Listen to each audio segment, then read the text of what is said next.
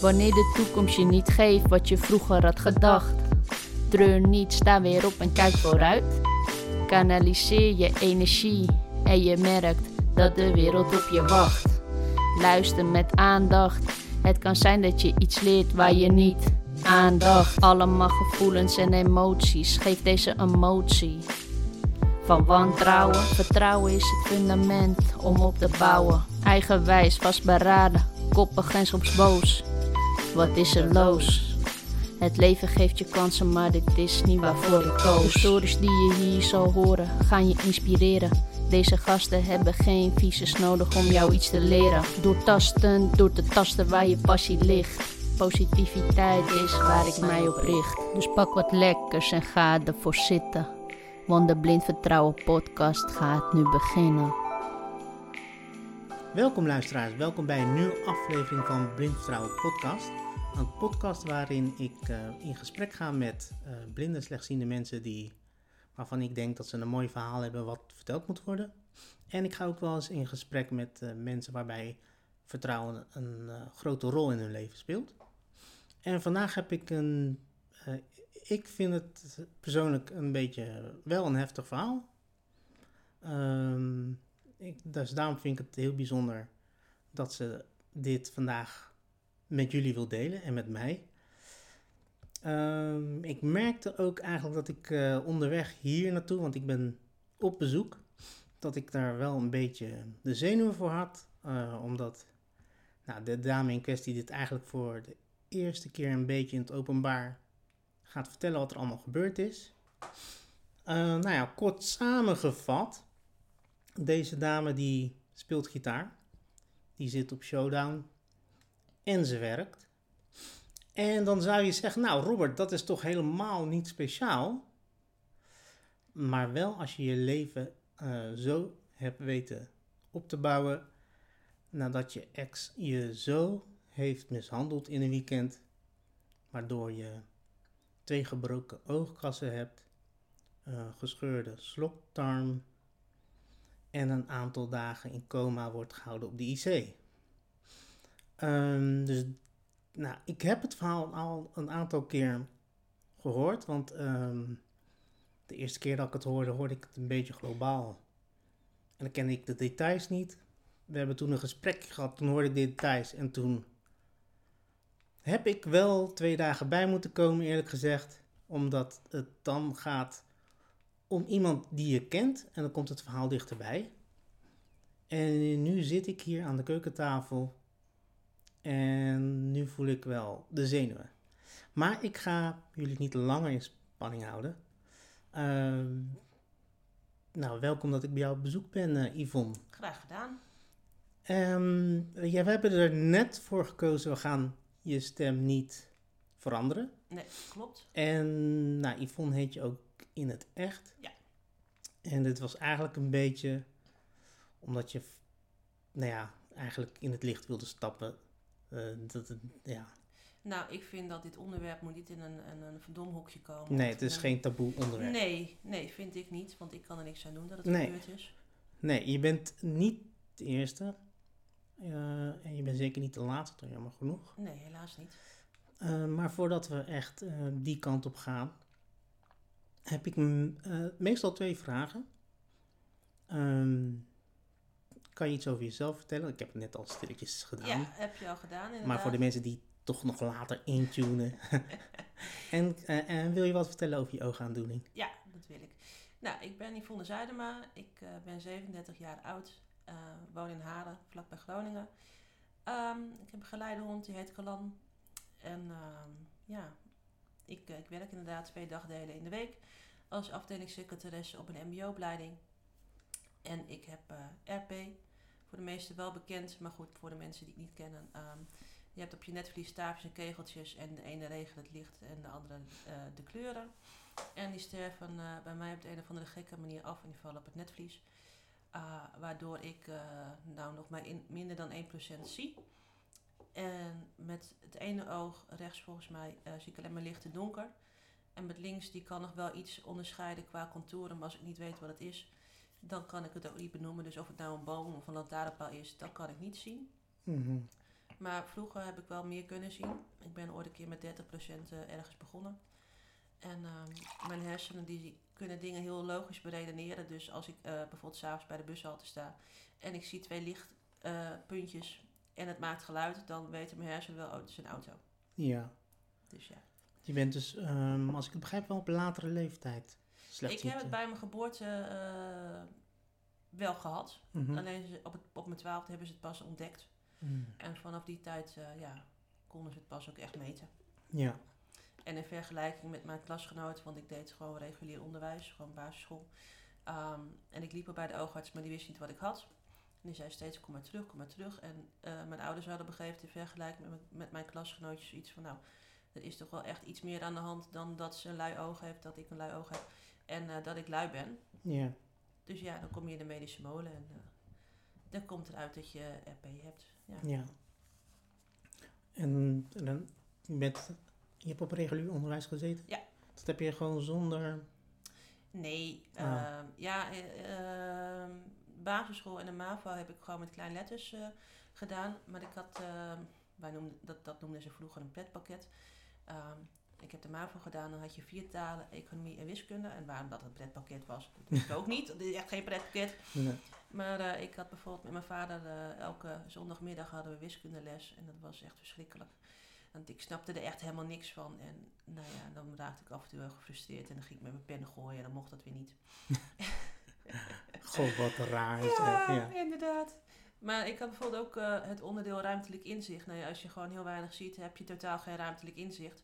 Maar hij vrebbelde dan altijd van alles in elkaar aan, eh, aan piramides en driehoeken en, en bakjes met water, zoals het op het plaatje stond. Ja. En dan kon ik het voelen en dan kon ik daar wel een beeld van maken. Ik weet dan precies dat hij op een gegeven moment in de keuken stond. Toen hadden we het over gelijkbenige driehoeken. En toen ging hij met zijn benen zo wijd staan. Zei, nou, mijn kruis is dan het hoogste punt. En Ja. dan heb je die benen die gaan beneden. En dan, daarom heet het tegelijk driehoek. nou, ik kan het nog vertellen. Dus eh, het heeft indruk gemaakt. ja. Ja, je, je weet het in ieder geval nog. Ja, ik weet het nog. Ja, Ja, je, hebt, je, hebt, je hebt je examen gehaald, dus dat is een goed teken. Ik heb er twee keer over gedaan. Maar dat was meer omdat ik op Engels op twee tiende punt gezakt was. Oh, jammer. Ja, En ehm, wanneer begon de slechtziendheid echt een grotere rol te spelen? Nou, ik denk wel, want eh, na de MAVO ben ik eh, de secretaresseopleiding gaan doen. En dat heb ik met grootletterboeken gedaan. Nou, dan zul je echt rot, want je hebt, je hebt niet één boek, maar je hebt drie of vier delen. Net, Ja. net zoals braaiboeken. Ja. In weet ik hoeveel banden. Nou ja, en dan snap je het wel of ik kon het lokaal niet vinden, of ik had het verkeerde deel bij me, of, nou, Mm, of ik Ja. had, een, ik had een toets en dan zou, eh, zou de toets zou, eh, in A3-formaat worden vergroot en dan was het er weer niet. ja. Nou ja, dat soort leuke dingen. Dus zijn toch wel dingen die toch ook wel weer vaker voorbij hoort komen. Ja, Ja, inderdaad. Nou ja, en toen op een gegeven moment moest ik stage lopen. En toen eh, ja, vonden de begeleiders het vooral wel lastig om mij dingen nou aan te leren. Ja. En toen heb ik twee jaar bij Zonneheert eh, eh, ben ik geweest voor de zakelijke dienstverlening. Mhm. En ik zou daar ehm, ja, praktische vaardigheden gaan leren, maar die, die heb ik daar nooit geleerd. En na twee jaar ben ik weer weggegaan. En uiteindelijk heb ik eh, mijn directiesecretaresse afgesloten op niveau 4. Oh, wat En daar heb ik een diploma voor gehaald. Oh, nice. Je bent toen meteen gaan werken? Ja, ja. Op de school waar je nu werkt? Ja, nou toevallig was het op dezelfde school, maar op een andere vestiging. Want Mhm. in het noorden heb je een hele grote mbo, nou je hebt er twee. Eh, hele grote mbo-opleidingen. Het ene heet Noorderpoort, daar werk ik. En het andere heet het Alpha College. Ehm, en ik ben toen gaan werken op een andere vestiging dan dat ik nu werk. Ehm, ik kwam via een, ja, een, een, een aparte... ehm, iemand die ik trof, die kon mij daar plaatsen. Ja. Ook met mijn handicap. En eh, daar heb ik een jaar gewerkt. En dat was via een flexbedrijf. En dat flexbedrijf ging failliet. Dus alle mensen die via het flexbedrijf werkten, moesten weg. En ik ook. Nou, toen eh, zijn we nog bij de grote bazen geweest. Van, goh, kan je niet voor mij een uitzondering maken? Maar dat, dat, dat, kon niet. En toen heb ik denk ik een half jaartje thuis gezeten. Nou, daar, daar word ik heel ongelukkig van. ja. Ik ben gewoon geen thuiszitter. En ehm, toen zei mijn moeder op een gegeven moment, die werkte ook op die vestiging waar ik nu werk. Die zei van, nou, zo kan dus onze baas vragen of je misschien wat klusjes kan doen van heel simpel ehm, eh, brieven in enveloppen stoppen tot eh, eh, dingen uittypen, telefoon opnemen. En dan, dan zien we wel hoe ver je komt. Nou, ik zei, dat lijkt me helemaal geweldig. En dat doe ik tot nu nog, nog steeds. Ja, dus dat doe je al een aantal jaar. Ja. Ja. En je speelt bas, gitaar of gitaar? Nee, ik speel allebei niet. Oh, ja, ah. ik speel gitaar. Ik heb Oh. een akoestische en een elektrische gitaar. Daar is je bovenbuurvrouw heel blij mee, hoorde ik net. mm, nee, niet erg. die gaat op de stamp als ik de voor herrie maak. en dan ga ik juist extra hard spelen of extra hard zingen. Ik, eh, ik eh, speel liedjes, ik zing, eh, ik zing en dan begeleid mezelf op de, de, op de elektrische of op de akoestische. Ehm, want vooral als je liedjes gaat tokkelen is een, elek- of een akoestische gitaar net even iets fijner. Omdat de snaren daar net iets verder uit elkaar zitten. En op een gegeven moment ging ik wat moeilijke liedjes spelen. En dan heb je barré-akkoorden. Nou ja, voor de mensen die gitaar spelen, die weten wat ik bedoel. Maar Mhm. ik zal het even uitleggen. Een barré-akkoord is dat je je wijsvinger over de hele eh, hals legt. Zodat je dus alle snaren in één keer kunt aanslaan. En dan zet je nog drie vingers ergens anders neer en dan heb je een akkoord. Je hebt dus wel non-visueel gitaar leren spelen. Nee, ik heb Nee? het wel ook, ook visueel geleerd. Oh, oké. Je kon kon- al gitaar spelen Ja. voordat je... Ja. Voordat het naar de LOF ging. Want ja, ik heb ook gerevalideerd. Ja, Ja, ja. Zo, samen kruist, zo kruist onze wegen. ja wij waren buren. Ja. En Robert vond het altijd heel leuk als ik ging douchen, want dan ging ik zingen en dan ging ik mijn haar in zeep en dan, dan, dan hield ik opeens weer op en dan drie zinnen later begon ik weer. En, dat vond En dan begon ik aan de andere kant Ja, weer verder ja. met zingen. Ja. Het was wel altijd wel heel apart, want eh, je was altijd wel heel vroeg aan het zingen. Ja. Maar je was altijd te laat bij het ontbijt. Ja, klopt. ik ontbeet ook niet beneden. Ik had gewoon mijn eigen pak yoghurt en mijn bakkie en mijn mueslietje. En eh, ik ben helemaal geen ochtendmens. en Ik vond half negen echt gewoon veel te vroeg. en dan heb je een hond die eruit moet. Dus nou ja, Ja. ehm, de meeste eh, docenten wisten wel dat ik eigenlijk altijd tien minuten, een kwartiertje later kwam. Behalve mijn ergotherapeut. Marloes. Marloes was altijd een beetje bezorgd. Oh, ja. En het was dan niet dat ze het erg vond dat je te laat kwam. Want als ik een mailtje stuurde van nou, ik denk niet dat ik het haal. En eh, dan kom een kwartiertje later. Dan was er geen probleem. Maar het was gewoon het feit dat ze niet wist waar je was. Ja, dat was het gewoon meer. En eigenlijk was het ook wel heel schattig. Ja, ze was al aan het zoeken op de Sintelbaan. Ja. dat nog net niet, maar eh dat scheelde niet veel. En eh je showdownt ook. Ja. En dat is eigenlijk eh, het begin van het drama. Maar als ik het drama mag noemen. Ja, dat- mag je noemen. Ja. Je zat op... ehm, je zat op showdown. Weer, kan je uitleggen wat showdown is? Ja, dat kan ik. Ehm showdown is een aangepaste vorm van tafeltennis. Ehm, je hebt wel eens ehm airhockey. Dat doe je dan met een lichtgevende schijf. Waardoor je dus de, de lichtgevende schijf in het andermans doel moet eh, zien te krijgen. Nou, hou dat een beetje in je achterhoofd. Je hebt een tafel die is uit mijn hoofd anderhalve meter breed en ongeveer drie meter lang. Je speelt het met een ehm, eh, bal met een rinkeltje erin. Ehm, en allebei de partijen hebben een, een, een bril op. Je doet het dus individueel. Een donkere bril, zodat je echt weet dat je eh, allebei niks ziet. En daarbij kan het ook nog wel voor de bescherming zijn voor als de bal eh, tegen je kop aan knalt. Omdat Want dat gebeurt Dat wel ge- eens. Ja, dat gebeurt wel eens, omdat Ja. je de bal zo hard uitslaat dat hij uit de bak vliegt. Ehm, en dan heb je een bedje vast en een handschoen om je hand te beschermen in de hand waar je het bedje vasthoudt. En eigenlijk is het heel simpel. Je moet er zorgen dat je die bal met die rinkel in het andermans doel eh, slaat. Ja. En ehm, Erg leuk spel, vind ik. ik heb het een paar keer geprobeerd. En het, kan, het gaat er echt soms freaking heftig aan toe. Klopt. Ehm, en die handschoen is ook niks voor niks. Want ik heb nog steeds pijn aan mijn middelvinger. Had je geen goede handschoen? Nee, nee. Nee. Nou ja, je wordt een beetje laconiek. Ik weet niet of dat het... Of dat, omdat dat is omdat ik Surinaams ben of lui. of allebei. Kan. Maar eh nou, er is wel eens een keer wat eh, fout gegaan toen Ja. ik eh, met... nou ja, Alex is nogal fanatiek. Oh ja, dan noem je En die ging mij wel even leren hoe dat moest.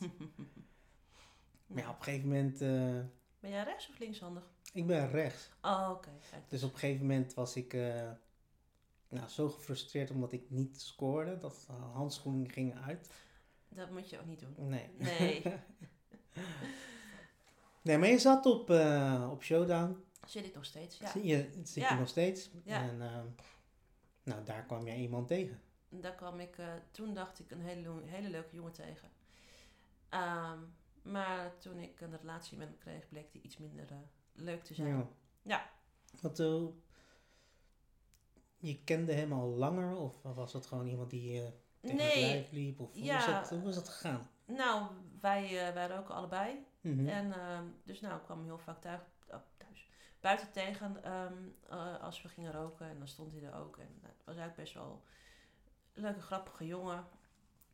En ehm dat praatje maken zo. En eh, ja, ik dacht wel van, goh, leuke jongen. Maar nou ja, hij was tien jaar ouder dan mij. Dus ik had hem eigenlijk al afgeschreven.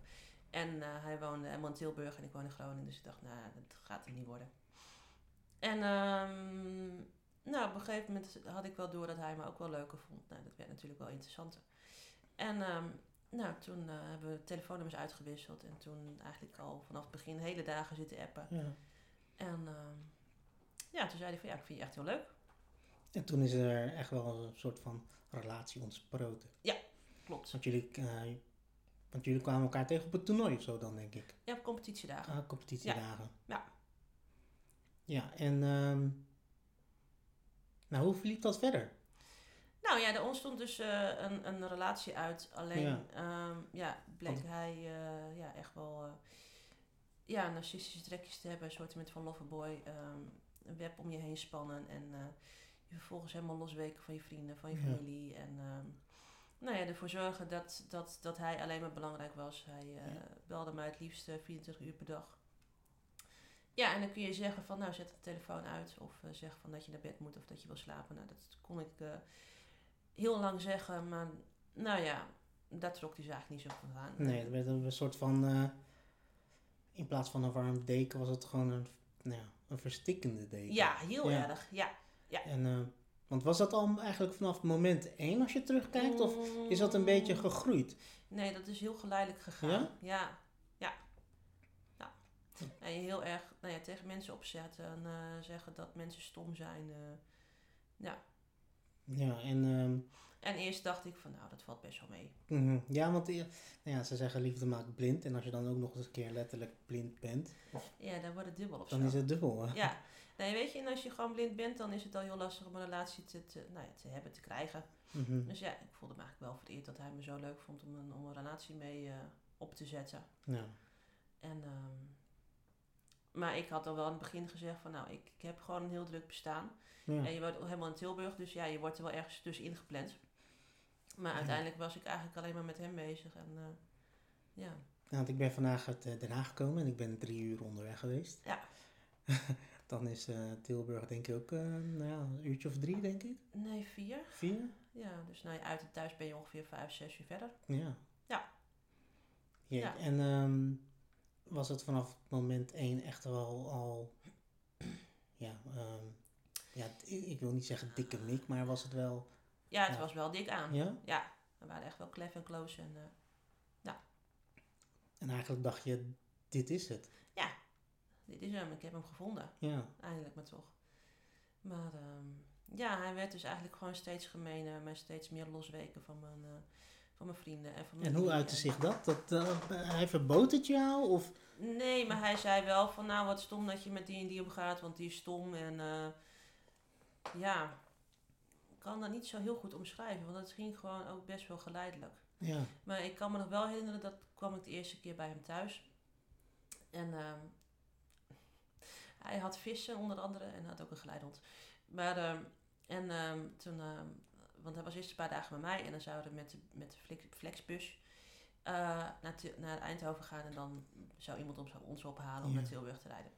En toen kwamen we thuis en toen had iemand, eh, een vriend van hem, die zou dan die vissen voeren. En die vissen die waren allemaal dood, want die jongen die had veel te veel voer gegooid. ja. En toen werd hij helemaal boos en ook boos op mij. Ik zeg, oh stop. Mhm. Ik kan er niks aan doen dat die vissen dood zijn.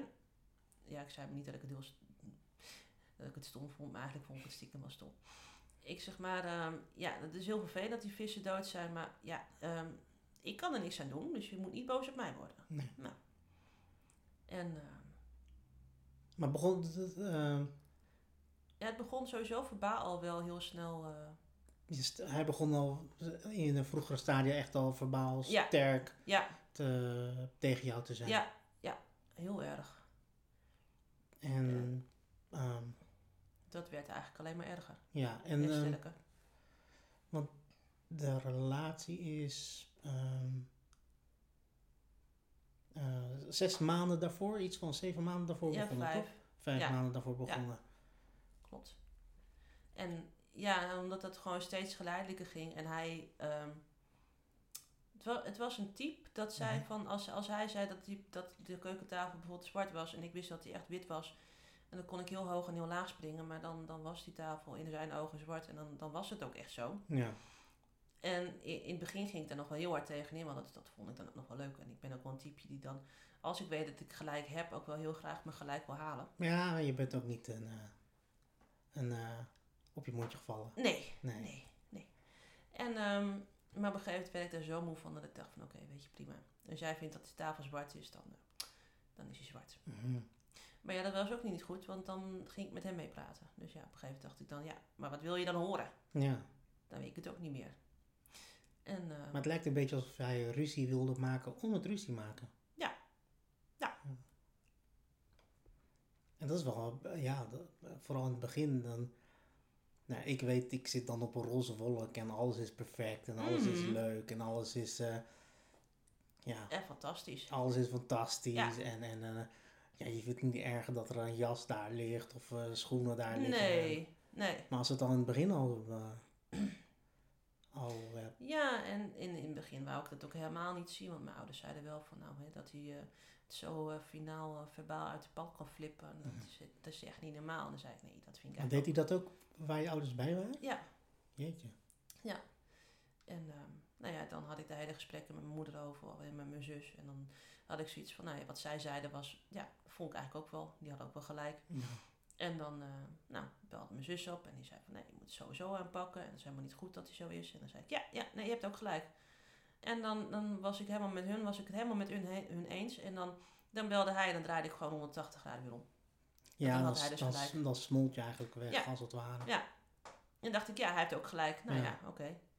Dus ik, ik heb ook vijf maanden echt in een spagaat geleefd. En, maar het is mezelf totaal weggezuiverd. Want ik was, eh, ik was wel helemaal niet belangrijk. Nee.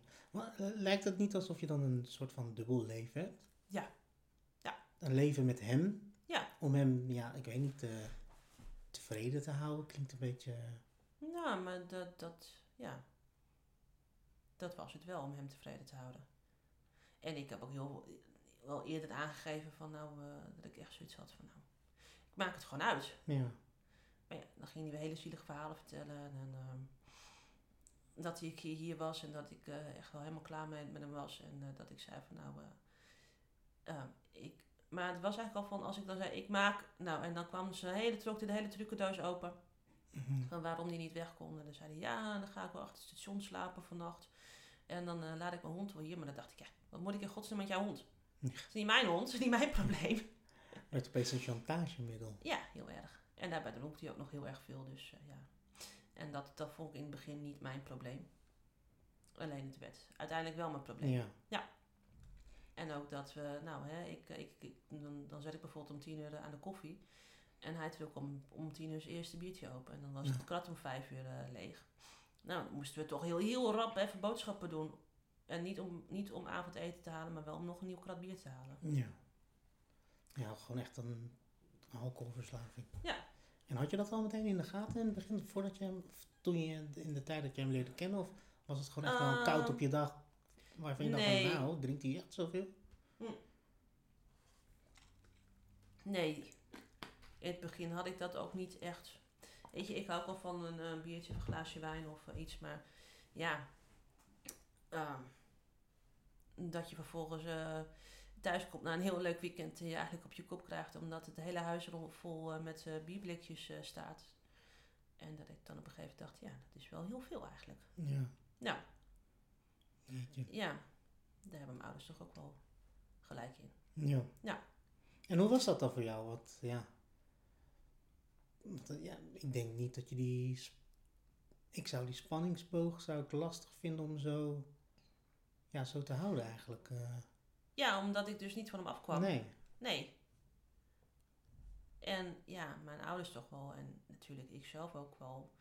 Wel liever van hem los zou komen. Ja. Maar ja, hoe ik dat voor elkaar moest krijgen, ja, dat wist ik ook niet. En ik hield ook wel van hem. En ik had ook eindelijk eens een vriendje. Dus ja, dat, ja. ik ben wel heel erg voor hem door het vuur gegaan. Ja. En ehm, Ja, als we een sprongetje maken. eh, want het is in één weekend echt uit de hand gelopen. Ja. Ja, het ging eigenlijk die week ervoor ging het al... eh, Het heeft Nou, een aanloop gehad. het heeft wel een aanloopje gehad. Mhm.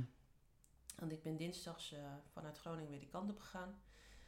En eh, het was toen heel warm. Het was juli 2016. En we hadden toen een hittegolfje. Ehm, en in die week ben ik naar hem toe gegaan, dinsdags. En nou, het werd eigenlijk alleen maar nog steeds nog meer verbaler om niet leuk. Mhm. Eh, mijn eigen mijn gezicht spugen, me overgieten met bier. eh, nog heel erg kleineren. En ja, als je dan eigenlijk al vijf maanden op eieren loopt, ja, dan, dan, heb je voor, ja, dan kan je het op een gegeven moment ook echt niet meer goed doen. Dan Nee. gaat het gewoon een keer finaal mis. En ehm, wat ik al eerder zei, dat hij gewoon zo van zichzelf overtuigd was. En nou, hij dacht dat ik vreemd was gegaan en ik, ik ging daar heel hard tegen in. Want ik kan niet tegen als ik, eh, nou ja, onjeus, onheus bejegend word. En dat, Nee. dat, voel, dat voelde echt zo. En hoe kwam hij aan die vermoeden? Had, hij dan, had hij jullie ergens, eh, had jij eh, met iemand zitten kwebbelen op een showdown? Of, Nou ja, hij- eigenlijk wel. Ja? Het waren echt allemaal, ja... want dat- jullie hebben ah, in die, in die dat, het is best een kleine niche Ja. die, eh, die die sport doet. Iedereen Ja. kent elkaar. Mhm. Dus je zou denken, iedereen kent elkaar. Dus ja, Ja. ehm, iedereen weet dan van nou, eh Yvonne is met Pietje of Yvonne is met Ja, Gerrit of Yvonne. Inderdaad. Nou, zullen we hem even Gerrit noemen? Ja. Dat Gevangene wel- nummer 454555. Nee, ik bedoelde eigenlijk meer de jongen waarvan hij dacht dat Ja. ik was mee vreemd Oh. was gegaan. Die noemen we gewoon even eh, Gerrit of zo. Of Pietje. ja, En ehm, maar, dat, het, het was ook gewoon allemaal toevallig welke dingen hij opnoemde, dan. ehm, dat, ik, dat ik bij hem was. Want Ja. ehm, nou, we hadden een keer hadden we een wedstrijd ergens in Nederland.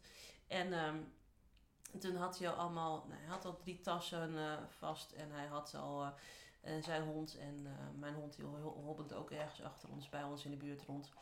En toen dacht ik van ja, als ik nou aan hem vraag of, of, of, ik, of hij mij wil begeleiden, lijkt me een beetje veel. Dus ik dacht, nou, en dan loop ik gezellig met Gerritje naar de bushalte toe. Nou ja, en toen zaten we toevallig ook nog in de bus naast elkaar, in plaats dat ik naast mijn ex ging zitten. Maar ja, die zat al met al die tassen en twee Ja, honden. Dus ja, ja. het leek me niet zo handig om daar ook nog een keer bij te gaan zitten. En dan zeiden ja, zie je wel, je ging expres bij Gerritje zitten en niet bij mij. En ehm, nou, en toen waren we een keer eh, ergens anders op het toernooi in het buitenland. En eh, nou ja, toen was ik met hem en nog wat clubgenoten van hem daar. En ehm, nou, toen was het heel maar weer. En aangezien ik echt wel een zonaanbidder ben, wou ik gewoon lekker buiten zitten. En toen, zei hij, eh, toen zat ik ook naar Gerrit. En ehm, toen zei hij van ja, kom je mee naar binnen? Toen zei ik nee, want ik zit, ik zit hier helemaal prima. En lekker in het zonnetje met een sigaretje en eh, nou, alle die. Hartstikke lekker. Dus nee, waarom zou ik dan in vredesnaam naar binnen gaan? Nou, het, Ja. het waren allemaal voor hem allemaal pluspunten waarom ik Ja. wel niet gevreemd was gegaan. Zo, als, je als je zo terug als je zo zit te kijken, dan, dan is er altijd wel iets te vinden. Ja. Eh, ehm, Terwijl het, voor mij was het allemaal gewoon ja. Het had wel een, een, een, een, een reden waarom ik dat deed. Maar niet omdat ik zo graag met Gerritje wou. Nee. Nee. En trouwens, dat kan ik ook niet eens. Ik bedoel, als ik dan al een relatie heb, dan ben ik echt wel eh, Ja. heel erg monogaam. Dus, dus, nou ja, dus daar kwam de beschuldiging vandaan. Ja. En dat En, eh, ging eigenlijk van kwaad tot erg Ja. in die week. En, en, en ik werd dus heel boos dat, dat hij mij daarvan betichtte dat ik was vreemd gegaan. Nou, dan word ik dus heel erg boos. Ja. En toen zei hij van, nou, eh, ja, en als je dan zo boos wordt, nou, dan heb je toch echt gevoelens voor hem. Want eh, ehm, ja, boos, Ja. boos worden is ook een em- emotie, dus je hebt wel gevoelens voor die eh Gerrit. Nou, je doet het nooit goed op zo'n moment. Nee, Nee. nee, wat je ook zegt, wat je ook doet. En toen dacht ik van, nou, ja, als je dat nou zo vreselijk veel graag wil horen. En ik was echt gewoon ten einde raad en ik, ik zag het echt gewoon niet meer zitten. Toen dacht ik, nou, dan zeg ik gewoon dat ik ben vreemd gegaan. En dan, dan flans ik wel een verhaal in elkaar. En dan, eh, nou, dan, zeg, dan, dan hoop ik dat hij zegt, nou, daar is schat van de deur en ga maar. Ja. Maar eh, nee, dat heb ik dus bijna met mijn leven moeten bekopen. Want toen eh, heeft hij me eigenlijk het hele weekend door zijn flat heen geslagen. En dat was... ehm, ja, hij heeft je echt in twee dagen echt gigantisch mishandeld. Ja. Ehm, had je niet na de eerste dag... Ik moet hier weg. Het was eigenlijk al meteen naar de eerste klap. Ik heb ooit een keer bedacht, waarom weet ik niet. Eh, als ik ooit een keer word geslagen door een jongen, dan is het gewoon einde oefening relatie en dan eh, ga ik bij hem weg. Ja. Nou, dat, dat heb ik dus ook echt na de eerste klap dat ik dacht van, huh, het overkomt mij. Ehm, toen dacht ik, ik moet hier weg. Maar ja, hij, eh, het, het was in zijn flat, dus hij wist Ja. precies hoe zijn flat eruit zag. Hij kende de omge- omgeving en ik inmiddels ook wel een beetje, maar niet zo goed als hij. En ja, hij hield gewoon de sleutels bij zich en dan zei hij, "Ik ga- je gaat hier niet, je- jij komt hier niet weg. Als hij je dus gewoon als het ware opgesloten Ja. in zijn Ja. huis? En dat heb ik niet, niet hard kunnen maken tijdens de rechtszaken, maar ja, in principe heeft hij mij gegijzeld. Ja. Want gijzelen is gewoon tegen je zin ergens vast te houden. Nou, dat heeft hij zeker wel gedaan. En ehm, ja, en dat ik op een gegeven moment ook echt dacht van, nou, ik moet hier weg. Want eh, ik had eh, in het weekend ook geen, geen schoon goed meer aan. Want ik, ik, nou, ik heb echt van paniek in mijn broek gepoept. En ja, ik had natuurlijk wel wat kleren bij me, maar inmiddels was alles vies. Dus ik dacht, ja, ik, ik moet hier gewoon echt weg. En ook al moet ik in mijn naakje over de galerij, ik, ik weet niet hoe. Ook al moet ik door het raam heen, ook al moet ik het raam kapot slaan. Nou, dat- alle scenario's komen wel door je kop. En natuurlijk moest mijn hondje ook wel mee, maar ik dacht Ja. van, ik moet hier weg. En mijn hond, ja, die komt dan wel weer via de politie weer terug. Maar ja, je wordt heel egoïstisch. Ja. En je kon ook eigenlijk de deur niet uit. Ik kon kon de deur niet vluchten. uit. Nee, ja. Nee, ik kon ook niet vluchten. En hij was drie hoog, dus het is ook niet zo van, nou, ik klim van, de, van het balkon naar beneden. ja. Nee. In dit soort situaties heb je fight, flight, freeze. Ja. En eigenlijk was het bij jou gewoon echt een beetje freeze, het, Ja. eh, het idee dat Ja. ik heb. Klopt. Is ook zo, dat, dat heb ik nog steeds. Bijvoorbeeld als ik oversteek en ik zie opeens een auto op me afkomen, dan ben ik dus niet eentje die terugspringt de stoep op. Nee, ik, ik nee, bevries helemaal. gewoon. Ja. Ja. En dan weet ik het ook gewoon echt niet meer. Nee, het is echt een, gewoon een, ja, een natuurreactie van je, ja, volgens mij noemen ze dat je reptiele brein. Die, ja, die zorgen voor eigenlijk eh, drie reacties. Ja. Vechten, vluchten of eh Vriezen. vriezen. En ik doe helaas het laatst. Ja. Ja. ja, het is een, eh, een verdedigingsmechanisme wat eigenlijk in je instinct zit. Mhm. Dus het is geen gekke reactie. Nee, maar ik zou toch wel eerst eigenlijk wel liever willen vluchten of willen vechten. Ja. Nou. En die eerste, die klap viel. Mhm. Ehm, is het eigenlijk vanaf dat moment echt, ehm, ja, heeft het een, een, een ja, een, een, was het een avondvullend programma? Ik noem, ik noem het maar even zo, want ik, ik, weet, ik, weet, ik weet niet hoe ik sommige dingen moet vragen en omschrijven. Nee. Ehm, en eh, dan ga ik eh, dit soort flauwe opmerkingen maken. ja, je kent me langer dan vandaag. Ja, ja. inderdaad. En we hebben ook van tevoren afgesproken, we mogen het best lustig, eh beetje, ja, Luchtig, houden. Het ja, heel, ja. eh, ja, het is al best wel, ik, het is sowieso een heel heftig onderwerp en Mhm. ik, ja, dus, eh, Nee, we moeten wel een beetje af en toe een grapje over kunnen maken. Nee, het was niet een, een, een avond. Ja, dat weet ik dus niet. Want je hersenen zijn gewoon Ja. iets heel prachtigs. Die ja, kunnen gewoon stukken blokkeren. Maar nu ik er zo op terugkijk, heb ik wel het idee dat het wel... Nou, ik weet nog wel dat die eerste klap ergens... Volgens mij op vrijdag, denk ik dan. Ergens, eh, nou, overdag viel. ja, En voor mijn gevoel ging eigenlijk dat hele weekend, ja, dus in elk geval vrijdag en zaterdag, eh, is dat wel doorgegaan. En heb op donderdag had hij helemaal pols gebroken. Dus. Omdat hij mij van, me, van zich wegduwde en ik vervolgens met mijn kop tegen de deurpost aanknalde. En ik wou me dus opvangen met mijn ene hand. Nou toen zei mijn pols maar, eh, krak. krak. Ja, En ja, nou ja, in principe had ik dat niet echt meteen door. Dat, ja, ik had wel door dat het niet goed was, want het deed en heel erg zeer. En ik kon er niks mee. Toen dacht ik, hm, dit is niet goed. nee. Nee.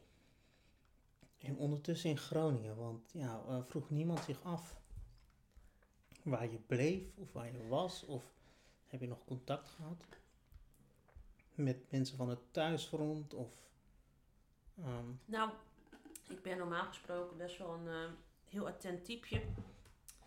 Eh, mijn moeder liep de Vierdaagse in Nijmegen.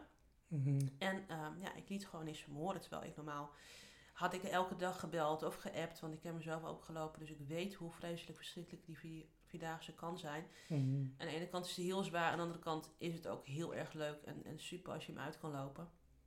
En toen had mijn moeder als iets van, nou, ehm, Ik heb niks gehoord. nee, maar dat hoe is kan gek. dat? Ja, hoe kan dat? Dus mijn moeder heeft ook even vreselijke Vierdaagse gelopen. Want die was eigenlijk alleen maar met mij bezig. Ja. En ehm, op zaterdag heeft ze me nog gebeld. En ehm, Toen heb jij nog gesproken. heb ik haar nog gesproken. Alleen ik praatte al met een hele dubbele tong. En toen dacht zij van... hm, of ze heeft ook een half krat bier opgezopen.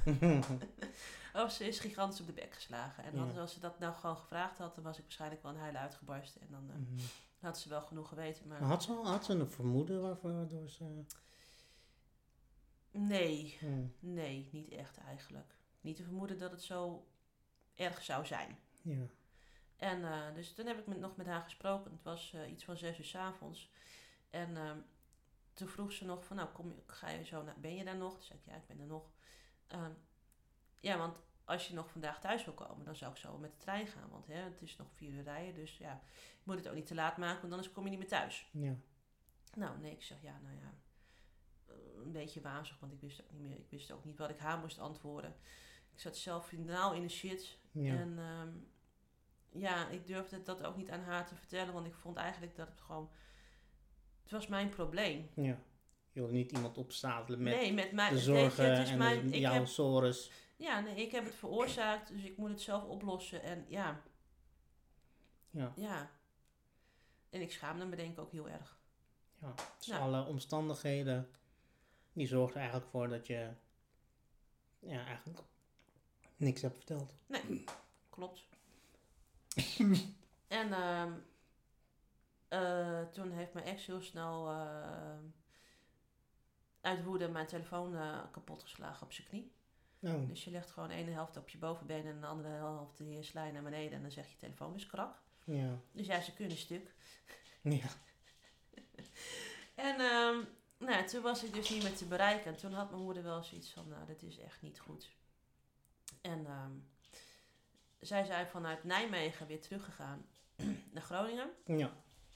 Toen ehm, hadden ze in Groningen hadden ze een, een barbecue bij de buren. Nou, daar zijn ze ook gewoon eh, als hun neus bloeden eh, naartoe gegaan. Maar ja, ze hadden wel zoiets van, het zit niet goed. En ja, ze hadden er geen lekker gevoel bij dat ik in Tilburg zat. En toen is mijn moeder, die eh, is eerder teruggegaan van het feestje. En toen kwam mijn vader, die kwam later terug. En toen zei ze nou, ik weet niet wat jij gaat doen. Maar eh, als ik morgen vroeg wakker word, op zondag, dan, eh, dan ga ik naar Tilburg toe. Mhm. Maar mijn vader zei, ja, dat was ook wel mijn plan. Ja. Dus die zijn zondagochtends met eh, een tas vol kleren, want ja, ze wisten ook niet in wat voor toestand ze mij eh, zouden aantreffen. Eh, ja. ehm, naar Tilburg gereden en onderweg zouden ze dan wel even een plan de campagne maken. Nou, en opeens waren ze in Tilburg. ja. Maar ze stonden niet in één keer voor de deur. Nee, nee, ze hebben eerst een ehm, politiebureau eh, gezocht. Die, die, dat zat gewoon bij hem om de hoek. Dat was ook zoiets dat ik later denk van, hoezo? Waarom wist ik dat niet? Maar goed, daar ben je ook niet echt mee bezig als je gewoon gezellig naar je vriendje gaat. En ehm, nou, daar hebben ze aangebeld, maar er werd eerst niet open gedaan. En toen dachten ze van, nou, dan gaan we wel op zoek naar een ander eh, politiebureau. En Het toen- politiebureau was dicht. ja, het politiebureau was dicht bij hem om de hoek. En toen Mhm. dachten ze, nou dan gaan we wel naar een andere. En toen draaide ze zich om en toen ging opeens de deur open van het politiebureau. En toen eh, nou, zei die politieman van, goh, eh, kan ik u helpen? Nou, dus hij het verhaal uitgelegd. En ehm, toen ehm nee, vertelde dus dat, dat ze zich heel erg zorgen maakte om hun dochter. En eh, toen zei die politieman van, ja, eigenlijk kan het niet zo heel gek voor jullie doen. Want ze is en meerderjarig en ze zitten vrijwillig. Nou, zegt mijn moeder, ze zit daar niet heel erg vrijwillig. Want eh, ze kan waarschijnlijk de deur niet uit. Ja. Nou ja, oké, dus hij overlegt met zijn leidinggevende.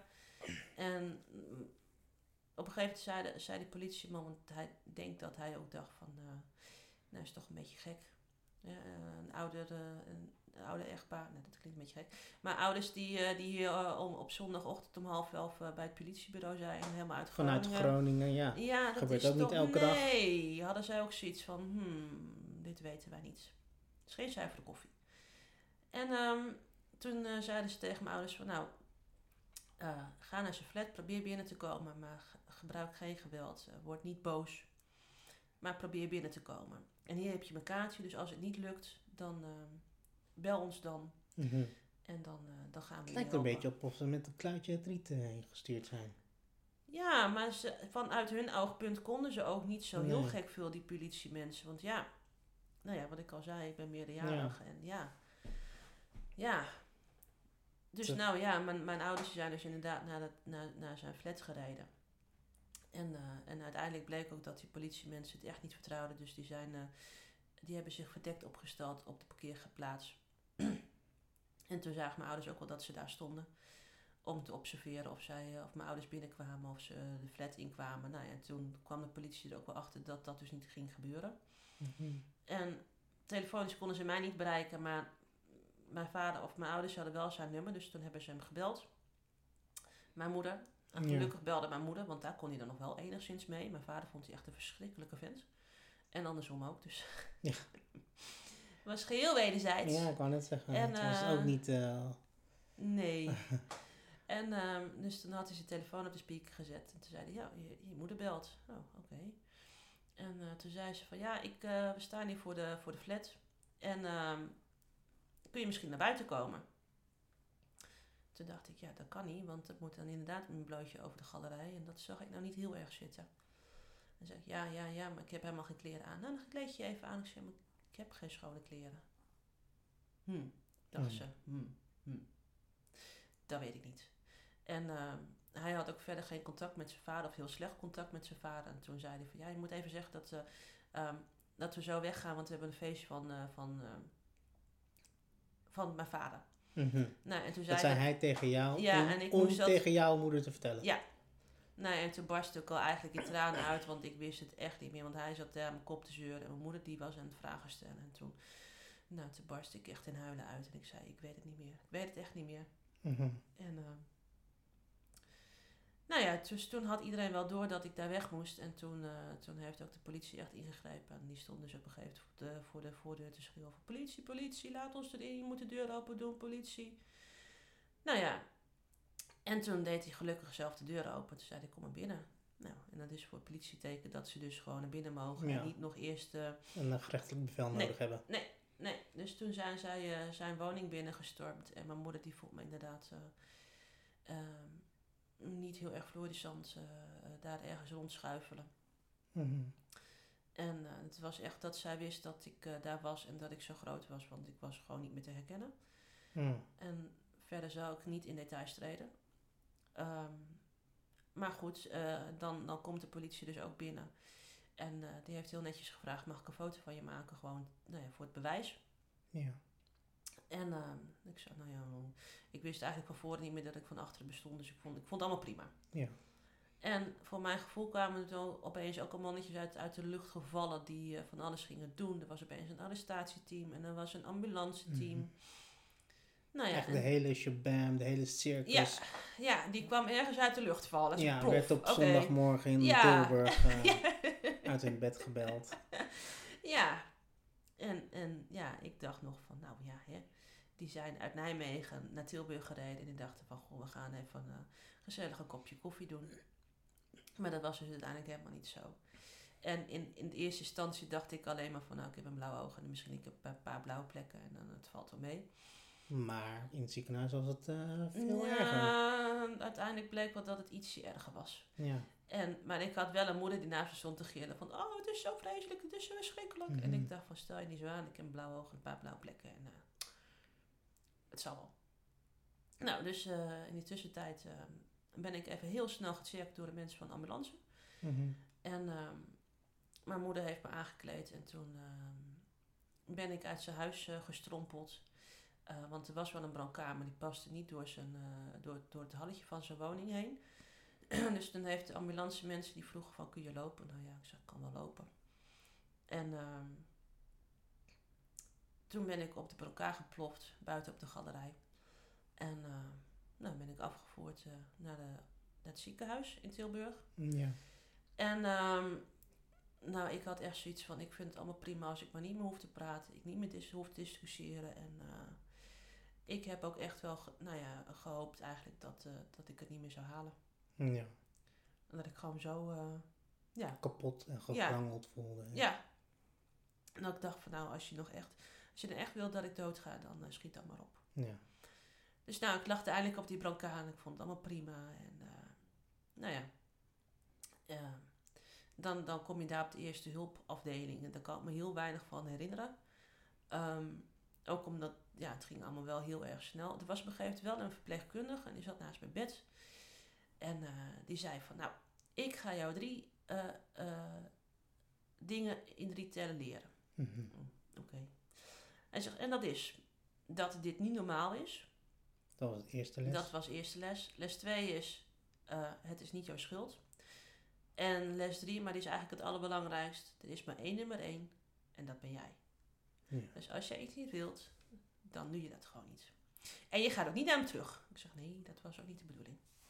Dat is heel goed, want dan, eh, dan, eh, dan, gaan we niks voor je doen. Als je nu al zegt, van, ik ga naar hem terug, nou, dan, dan houdt het gewoon hier op. Nou, ik zeg, ik wil ook niet eens naar hem terug. En nou, dan word je onderzocht en ik had heel erg last van mijn pols. Nou, dus daar een foto van gemaakt. Toen bleek ook echt dat hij gebroken was en ook nou, goed, goed gebroken was. Ja. Dus die moest gezet worden. Nou, dan heb je dus al heel veel pijn eigenlijk te anestheseren. En dan gaan ze ook nog even lekker aan een gebroken Ja, pols aan je Je vingers hebt dus- trekken. ja, je hebt dus twee dagen met gebroken pols. Rondgelopen. Ja. Ehm, en eh, op een gegeven moment werd ik de CT-scan ingeschoven. En toen dacht ik, nou prima. En als je me hier nooit bij uithaalt, vind ik het ook prima. En eh, nou, mijn hond die was al door mijn ouders eh, opgevangen. Maar ja, zijn hond was er ook nog. En toen heeft, hebben de politiemensen wel aan, aan mijn ouders gevraagd van, nou ja. En, en zijn hond dan? Toen zeiden ze, ja, dat is niet ons probleem. Ja.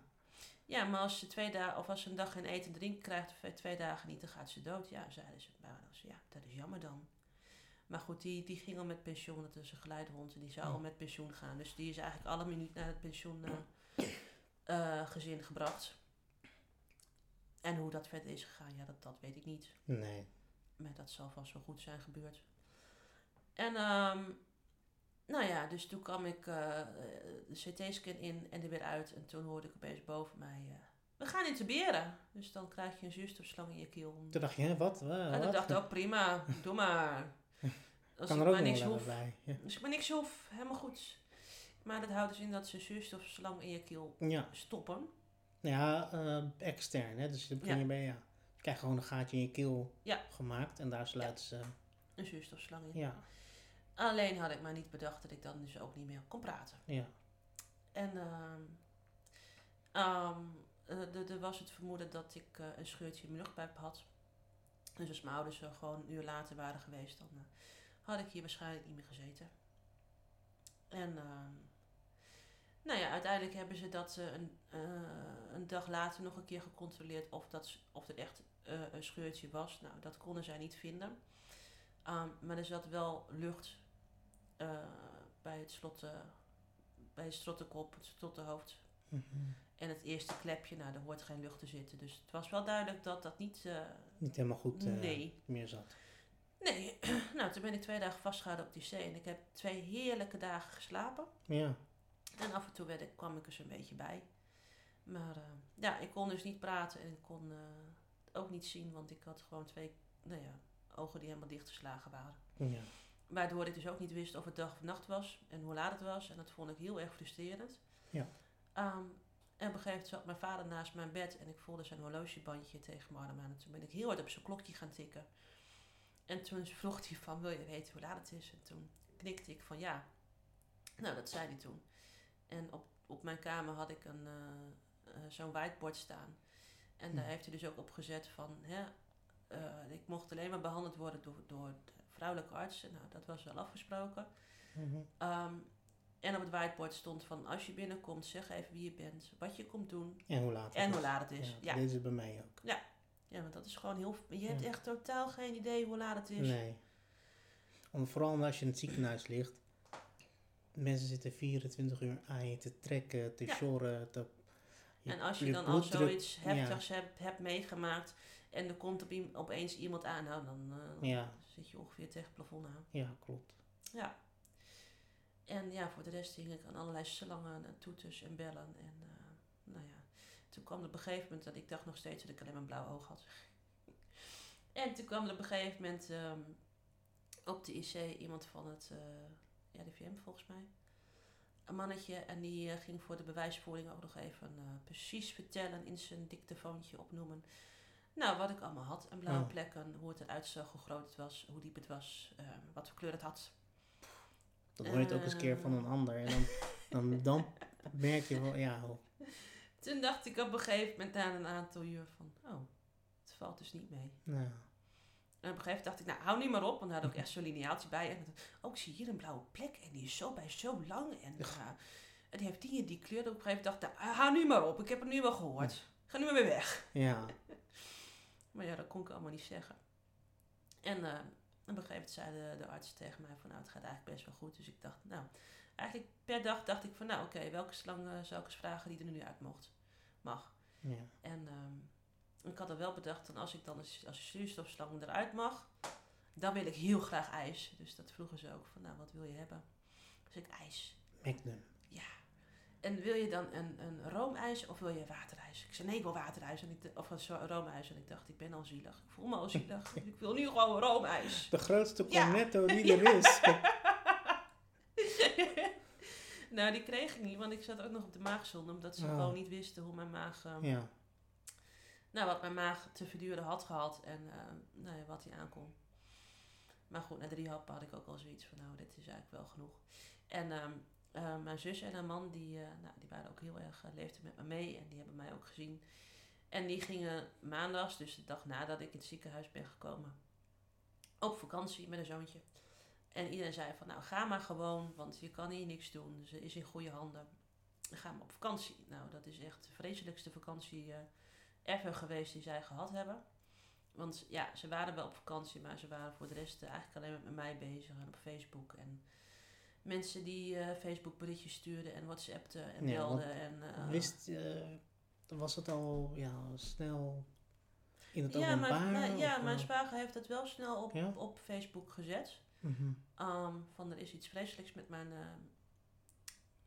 met mijn schoonzusje gebeurd. En zij wil heel graag kaartjes ontvangen. Oh ja.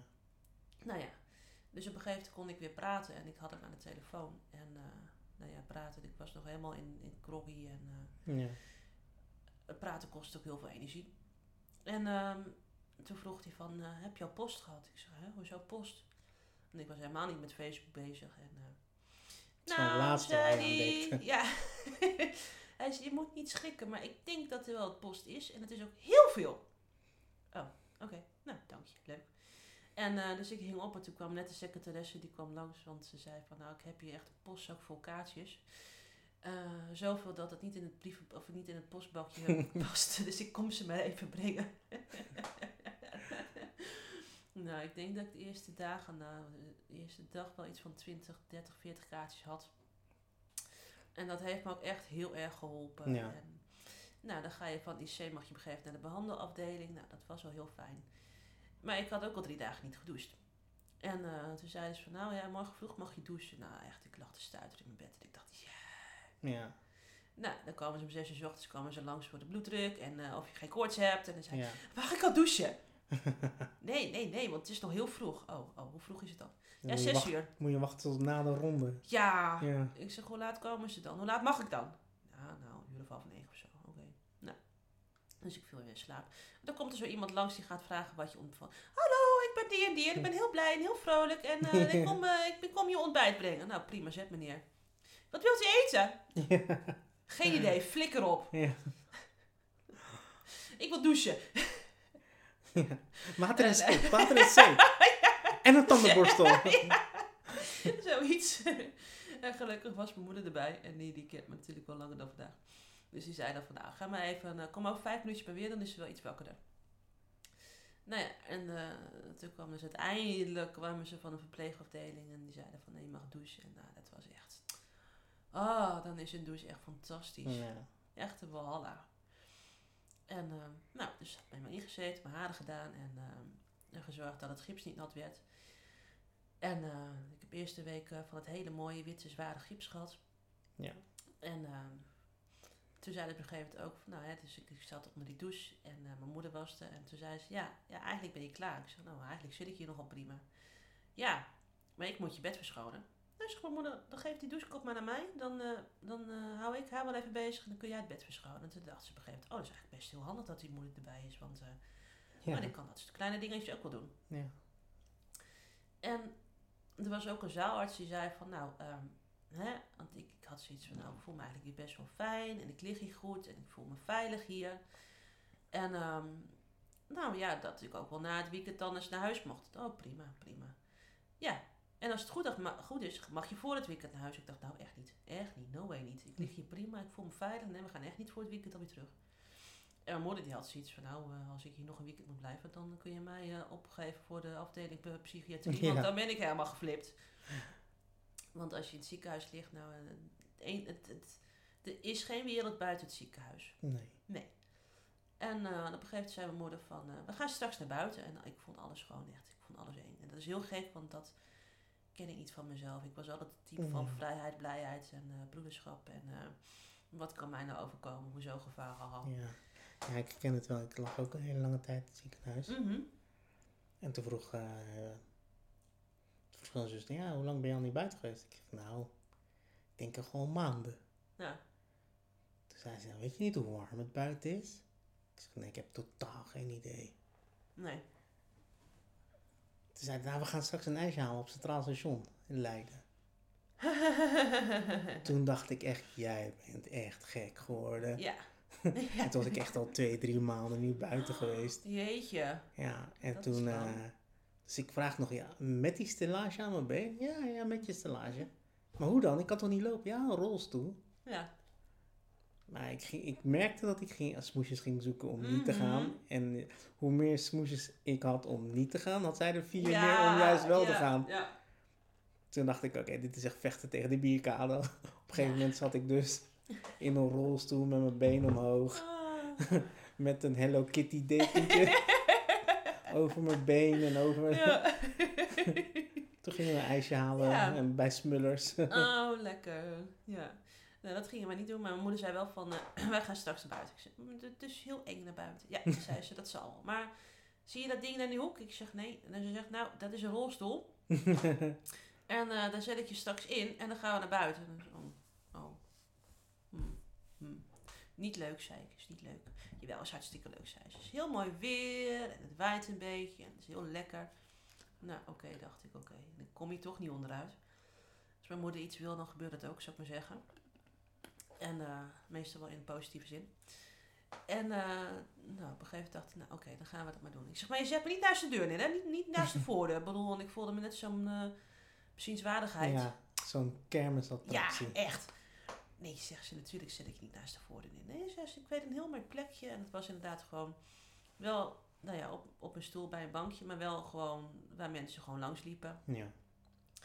En eh, ja, dat was inderdaad, het was ook heel fijn. En het was inderdaad heel mooi weer en het waaide lekker. En uh, nou, ze hadden een mooie sjaal om me heen gedaan, zodat het allemaal niet, niet al te erg opviel.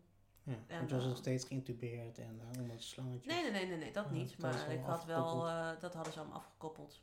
Ah, maar uh, ja, ik was gewoon helemaal bont en blauw. Ja, en, klopt. uh, Het gaat niet in twee dagen weg. dat gaat niet in twee dagen weg. Nee. Nee, dat duurt wel een paar weken. En uh, ik was ook al een aantal keren verwurgd, dus ik had allemaal een blauwe plekje in mijn, in mijn hals. En uh, nou, dat was allemaal best wel heel heftig. Dus ik had me wel heel keurig aangekleed en wel geprobeerd om nou ja, wat, wat te verdoezelen.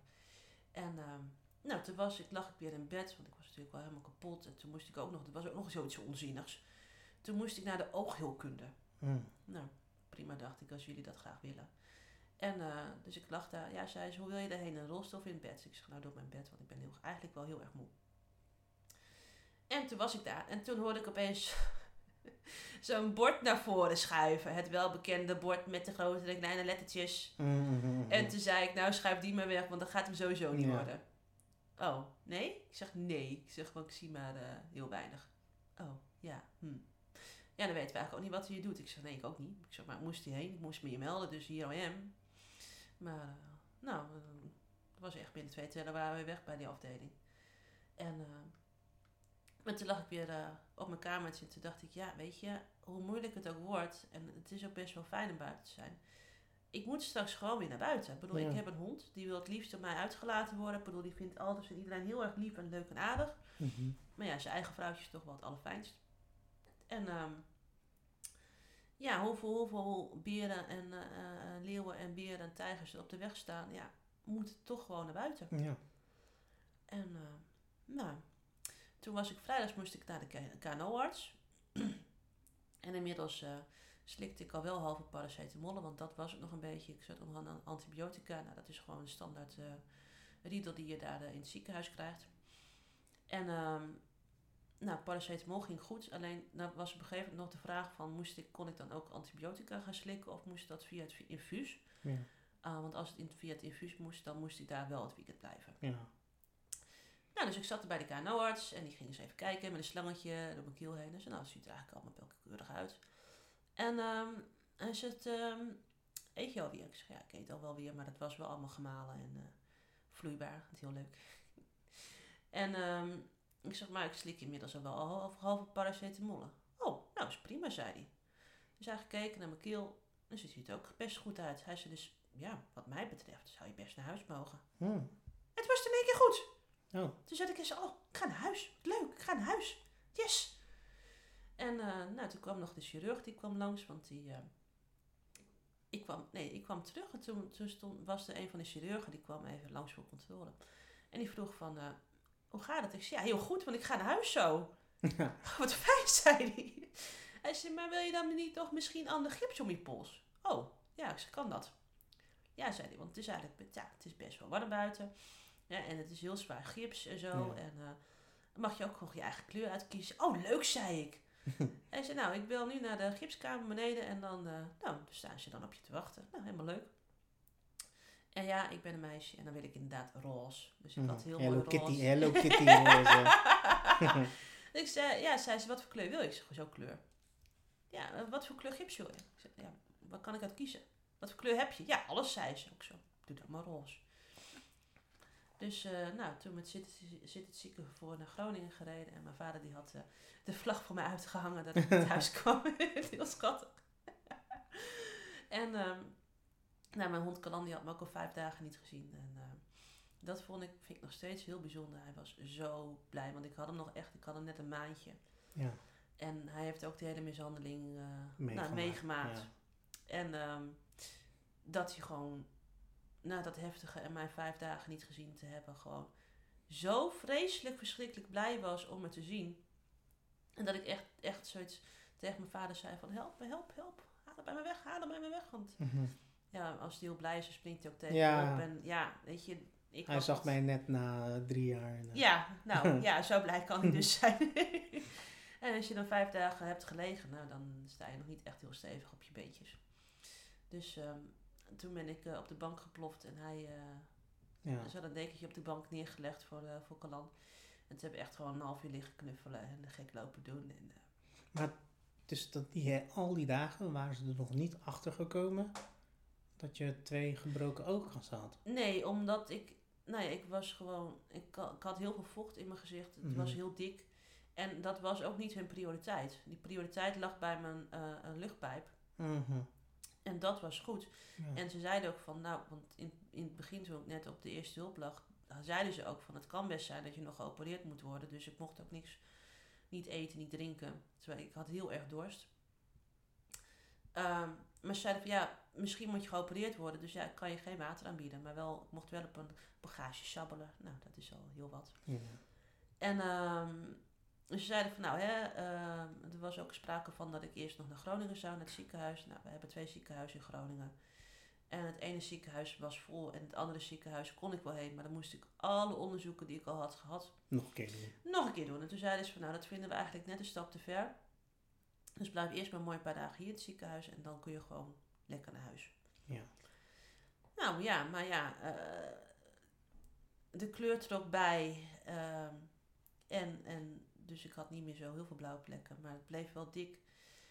Ehm, en ik bleef last houden zo rond eh, nou ja, je ogen, eh, je neus. Het Ja. was eigenlijk, het deed pijn, maar eigenlijk heb je het gevoel alsof je, nou ja, jaar ontzettend verkouden bent.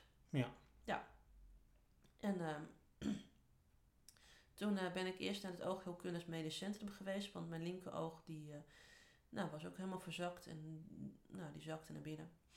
En ehm, dus daar eerst geweest en toen was op een gegeven moment iemand die zei nou ja, ik kan het wel, kan het wel eh, opereren. Maar eigenlijk wil ik eerst eens weten wat er aan de hand is en, en wa- waar ik aan begin. Dus ik stuur je door naar dat UMCG, nou, dat is het, dat is het medisch centrum in Groningen, het ziekenhuis. En nou, daar weer door de CT-scan. En ehm, toen kwam ik daar bij de chirurg. En die zei heel droog, ja, ik vind het niet gek dat je last van je ogen hebt, want eh, je hebt twee, gewoon, gewoon twee gebroken oogkassen.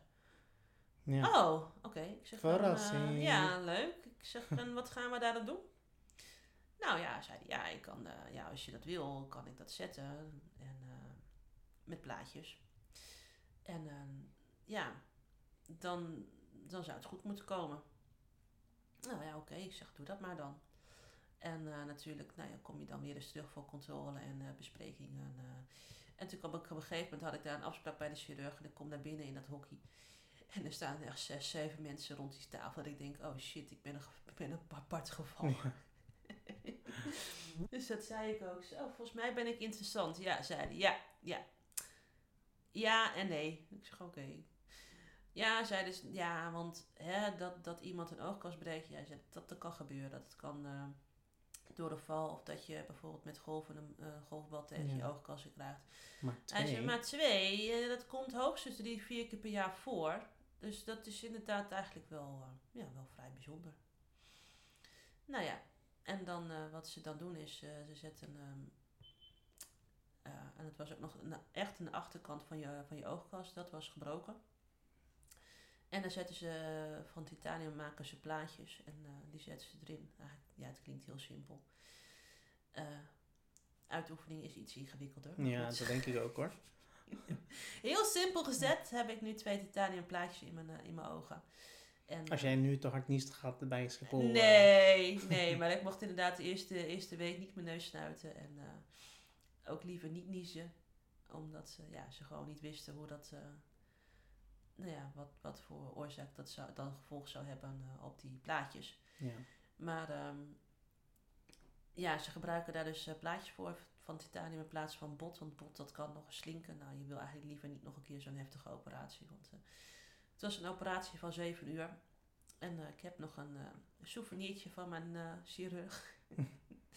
want ze werken met een soort van navigatiesysteem. Die zetten ze op je hoofd om te kijken of ze op de goede plekken zijn. Omdat het gewoon zo fragiel en ja, lastig daar binnen zit. ja. En eh, bij het afkoppelen van het navigatiesysteem is er een schroefje achter, achtergebleven. En dat is ook helemaal niet erg, die kan er prima, prima blijven zitten. Maar die chirurg zei van, nou, als je nog ooit een keer een CT-scans k- krijgt en eh, men zegt, ja, er zit een schroefje in je hoofd, dan kan je gewoon zeggen, ja, dat klopt, dat weet ik. Ja, dus dat is hoeft niets voor mij. Ik zei, oh, nou ja, bedankt als dat alles is. Maar toen had ik dus, zag ik, ik bedoel, ik zie nu al niet zoveel, maar ik zie nu wel licht en donker. En ik moest eh, ook een nachtje blijven, gewoon voor controle. maar ik zag dus echt helemaal niks. Het was Ja. gewoon echt donker. En nou, ik vond het zo eng, Ja. dat ik echt dacht van, oké, nou, Robert, Nou, dat- Robert dat- ziet dit dus. ja, dat is Ja, dus mijn wereld. Ja, ik vond het echt heel eng. En dat Ja. ik ook tegen moeder zei van, je moet me echt vasthouden en vast blijven houden, want eh, ik vind het gewoon eng. Ja. En eh, dan heb je zo'n hele grote, grote hal als ingangshal, zou ik maar zeggen. Want ze moesten even een kaartje kopen voor de, de parkeerkosten. Zei ze, ik laat, je, ik laat je nu los. Ik zeg, nee, je laat me niet los. en eh, ja, zei ze, maar eh, dan zet ik je op een heel rustig plekje neer. En eh, dan kan er niemand tegen je aanlopen. Want dat vond ik ook gewoon eng. Want ik dacht van, ja, straks loopt er iemand tegen mijn gezicht aan. En dan Ja. kunnen we weer opnieuw beginnen. ja. Je voelt je heel kwetsbaar zo. Ja. Echt verschrikkelijk. En ehm, ik wist dus ook niet dat het zoveel kracht en energie kost om je ogen open te krijgen en te houden. Want ja, het was gewoon allemaal vies en dik en Ja, bloederig. En eh, ik, kan- ik, nou, ik kom bijna zo in een horrorverhaal. en de moeder af en toe zei van, doe je eens ogen eens open. En ik zei, maar dat kost zoveel kracht. Ja, zei ze, ja, maar ja, als je het nu niet doet, Ja. ja, die spiertjes die worden alleen maar slapper. Luier, ja. Ja, dus dat wil je ook niet dat je straks helemaal niet meer open krijgt. Maar ik dacht, jeetje. Nee, en ik, ik was toen aan het revalideren In Apeldoorn toen? in Apeldoorn, ja. Ja. En eh, ik dacht na twee weken, nou, ik kan wel weer. Nou ja, en toen kwam, eh, want vroeg ze ook van tevoren aan mijn begeleidster van, nou, hoeveel weken denk je dat je er tussenuit bent? Ik zei, nou, ik denk twee, dan moet ik er wel weer zijn. En eh, nou, toen kwam week drie en ik, ik, ik revalideerde van woensdag tot en met vrijdag. En toen dacht ik van, nou, hè, als ik nou eens gewoon een uur, eerder, uur later begin en een uur eerder ophoud, nou, dan moet ik dat wel kunnen trekken. Ja. Toen zei mijn moeder van, maar waarom blijf je niet nog een weekje thuis? Toen dacht ik, ach, dat vind ik eigenlijk nog veel beter idee. Dus toen heb ik ook meteen gebeld. En ik dacht van, als ik nu niet bel, dan nou, draai ik weer terug. Dat ik toch eh, volgende week gewoon weer begin. En eh, dat was ook verder geen probleem. Dat ik een Maar tijdens jouw revalidatie ben je ehm, nog twee keer geopereerd, toch? Ja, Want waar was dat voor? dat was aan de buitenkant van mijn gezicht. Hmm. Want binnen, aan de binnenkant was het niet goed. Alleen, ja, ehm, de buitenkant was gewoon verzakt. Ja. En daardoor, ja, Door de mishandeling. Door de mishandeling, ja. Dus ik heb een eh, facelift gehad van, van mijn voorhoofd. Ah, dat was eigenlijk het, het, het, het, het simpelste onderdeel van de, van de hele operatie. En ehm, ze hebben bij eh, mijn linkeroog hebben ze eh wangslijmvlies gebruikt om dat onderoog, of dat, ja. Want dat is het ook als je dus, eigenlijk is je oogkas een, een, een, een eh, eidopje. Mhm. En als je dus nou ja, een deukje in je eiendopje hebt, ja, dan valt het ei eruit. Ja. En dat moet je ook een beetje voorstellen bij die oogkassen. En nu was er dus weer, zat er weer een ei in die, dat eiendopje. Maar ja, dat, het was gewoon allemaal niet meer zo mooi en netjes. En het zat niet meer zo strak, aan- strak aan elkaar. Dus ehm ter ondersteuning hebben ze voor links dan een stukje wangslijmvlies eh, gebruikt. En ehm, rechts was het onderooglid, dat rolde naar binnen in plaats van naar buiten. En dat was ook allemaal niet zo heel netjes. Dus toen zeiden ze van nou, dan doen we dat gewoon in één operatie. Ja. Nou ja, en toen werd ik wakker na de operatie. Toen zeiden ze, toen vroeg ik van, nou is het gelukt? Ja, nou ja, links is wel gelukt. Alleen mm, rechts niet zoals wij wouden. Maar ze, dan kan je nog wel onder plaatselijk voor over doen. Oh, Oké. Nou, en wat doen ze dan? Want het onderooglid dat rolde naar binnen in plaats van buiten. Ah, heel simpel gezegd eh, snijden ze de spiertjes door. En dan, ah, want die zijn dus gewoon ja, te strak gespannen. En ik, Ja. Die arts zei ook van je hebt gewoon, je hebt gewoon, eh, hoe heet dat? eh, je hebt gewoon spieren op je, op je spiertjes zitten. Hij zei, dat is eigenlijk niet normaal. Dus eh, moet je je voorstellen hoe, hoeveel, hoeveel spanning hier al de hele tijd Ja. bestaat. Ja, en dan, ehm, dus eerst snijden ze het door en dan, dan, dan hechten ze het weer aan elkaar zodat het onderooglid naar buiten rolt. Alleen toen hadden mijn onder, de wimpertjes van mijn onderooglid bedacht om ook naar binnen te, te gaan krullen in plaats naar buiten. Dus dat irriteerde het hoornvlies de hele tijd. En dat konden ze ook wel oplossen met eh, elektrisch epileren, maar dat moet ook verdoofd worden. Nou, die verdovingsspuiten die doen echt zo vreselijk Ja, ik heb verschrikkelijk het ook een keer gehad, ja. Oh, dat is gewoon niet grappig. Eigenlijk had ik daar meer last van dan van de wimpertjes. Nou, daar zijn we een jaar mee bezig geweest en nu is eigenlijk alles weer, eh, Ja. Weer goed. Ik heb alleen droge ogen en daar, daar blijf ik waarschijnlijk mijn hele leven last van houden. Dus dat is eh, s s'avonds cremmetje erin en eh, overdag gewoon druppelen naar behoefte. Jeetje. En Ja. nou ja, ondertussen Mhm. eh, liep er ook een gerechtelijke procedure. Ja. Klopt. Ja, want hij is toen meteen opgepakt. Ja. Ah, want het was... Ja, ik mag hopen van wel, ja. Dit was overduidelijk niet het geval dat je van mevrouw is van de trap gevallen Nee. of tegen keukenkastje Keukenkastje aangelopen. aangelopen, nee. Eerder tegen een, paar van mijn vuisten. Tegen, Ja, ik ben gewoon echt als Ja. boksbal gebruikt. Ja, En ehm, nou, dus hij, eh, hij zat vast mhm. in voorarrest. Eh, ja, eerst, normaal is het eh, standaard drie maanden, wordt verlengd naar zes en het langste is negen maanden. Nou, hij kreeg hupplekeer meteen negen maanden. En ehm, dus ik dacht van, oh, heel fijn. En dan kan ik gewoon even negen maanden een beetje bijkomen. En dan eh, na die negen maanden is hij mooi verder. ja. Nou ja, en toen bleek dat hij na een maand alweer vrij rondliep. Want eh, ah, er was geen aangifte gedaan. Nou, ik had Oh. wel aangifte gedaan, alleen niet meteen na de mishandeling. Want toen zijn er wel twee regisseurs in het ziekenhuis geweest in Tilburg. Nou, die zagen wel heel duidelijk dat ik niet, niet in een aangifte in staat was om die af te nemen. En eh, toen zijn ze een week later eh, bij mijn ouders, waar ik dus eh, tot november heb gebivakkeerd. mhm. Ze zijn naar Groningen gekomen. Ja. Om die afgifte of aangifte Aangifte af te af te nemen. ja. ja. inderdaad. En het was echt een gesprek van drie uur. En ik was gewoon helemaal kapot. Ik was ook dingen kwijt, waardoor dat, dat frustreerde mij heel erg. En dan vroeg ze bijvoorbeeld, nou, hoe laat stond je dan op? Hoe laat ging je naar bed? Ja, Ja. dan geen idee. Ja, hoezo geen idee? Ja, eh, nou, je bent blind, dus je kan sowieso geen klok kijken. Nou, de telefoon ligt ook ergens in huis. In stukjes nu. Ja, in stukjes nu. En dat is ook zoiets bijzonders, want mijn hele SD-kaartje en de achterkant van mijn telefoon is gewoon pluitos. Die hebben ze ook niet terug kunnen vinden. Ja. En die regisseur zeiden ook van, nou, we hebben veel meegemaakt, maar zo vies als dit huis was, hebben we het eigenlijk nog nooit gezien. Hm. Nou ja, en toen ehm, uiteindelijk in oktober 2017 kwam de eerste zitting. Ja. En ehm, ja, dat was, dat was een hele gekke week, want ik had en, en de zitting en mijn laatste week eh, revalideren. Dus het was een beetje dubbel. En ehm, nou ja, dan heb je dus een slachtoffer, want het OM heeft hem aangeklaagd en ik niet. Dat is wel het voordeel dat hij mij niet kan betichten dat ik hem heb aangeklaagd, want Mhm. ik heb er niks mee te maken. Ehm, want je bent maar slachtoffer. Nou ja, ehm, dat is wel het voordeel, want het enige wat ze hoeven te, te hebben is bewijs. Nou, dat was Ja, bewijs. was er genoeg. Dat was er genoeg. Ja. En ehm, ja, je hebt dan als, als slachtoffer heb je recht van spreken, dus spreekrecht. Ja. En dat heb ik wel ehm, genomen. Ik heb het wel iemand anders laten voorlezen. Omdat ik zoiets had Mhm. van, nou ja, eh, ik vind het wel heel heftig. En hem zien en die rechtszaak. En, Ja. ehm, Wat moet je zo'n verklaring vooraf? eh, nee, ze hoeven het niet te zien, maar ze moeten wel weten of je het, eh, het Oh. wilt hebben. ja. En ik dus, zei eh, eigenlijk meteen al van, ja, dat wil ik. ah, Oké, dus Ja. eigenlijk gewoon de kennisgeving van Ja. ik wil iets zeggen. Ja, En, En- dat en is eigenlijk wat, genoeg. want dat- je hoeft niet je verklaring Nee. af te geven aan de rechter. Nee. En aan, oké. Nee. Nee, en, en ik heb wel eh, nou, de hulp gehad van slachtofferhulp. Daar ben ik echt heel goed door geholpen.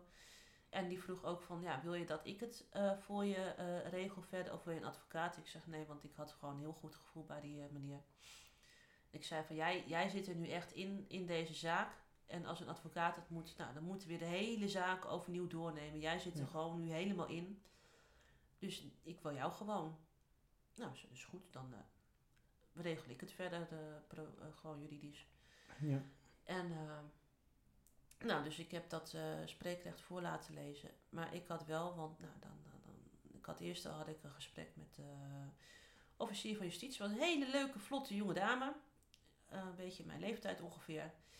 En die zei al eigenlijk meteen van, ik zorg ervoor dat deze meneer, want deze meneer, wat hij wat heeft hij geflikt, dat, dat kan gewoon niet. Maar dan in Mhm. iets nettere bewoording. Ehm, ja, we hebben het hier over gevangenen 45455. Ja, inderdaad. die.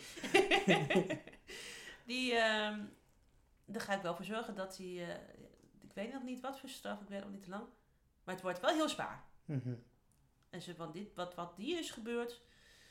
Nou, zei ze, dat, dat kan gewoon niet. Nou, dus ik had dus iets van, nou, yes. En, ehm, nou ja, eh, dan zit je daar dus. En eh, ik had wel gevraagd of hij aanwezig was. En toen zeiden ze, ja, hij is ho- hoogstwaarschijnlijk wel aanwezig. Nou, dus dan begint zo'n zitting van, nou, u bent eh, inderdaad eh gevangene 4, 4, 5, wat zeiden we? 4, 5, 5, 4 of zo? Ja, Eh, u bent geboren op die... 45455. Ja. u bent geboren op die, die, datum en u bent woonachtig daar en daar. En toen zeiden ja. Toen dacht ik, ja, hij is het echt. Oké. Nou ja, hij werkte gewoon totaal niet mee. Hij wist niet meer wat hij gedaan had. Eh, hij wist wel dat hij heel boos was geworden en daarna door het lint is gegaan. Maar voor de rest eh, weet hij van niks. Maar goed. En, ehm, maar eigenlijk, eh, nou ja, zo, zo hoe, hoe lang die zitting duurde, dacht ik van, ken ik die man? Ja. Heb ik daar ooit eens mee gehad? Ben ik daar ooit voor gevallen? Ja. Deze vreselijke sukkel? Nee, schijnbaar wel. Nou ja, eh, daar snap je er helemaal niks van. En wat was de aanklacht tegen hem? Poging tot moord? Poging? Ja, poging Doodslag? tot, eh, poging tot doodslag, verwurging en mishandeling over een lange periode. Hm. En Is er dan ook TBS eh ter nee, sprake dat, gekomen? Nee? ja, ja, door mij.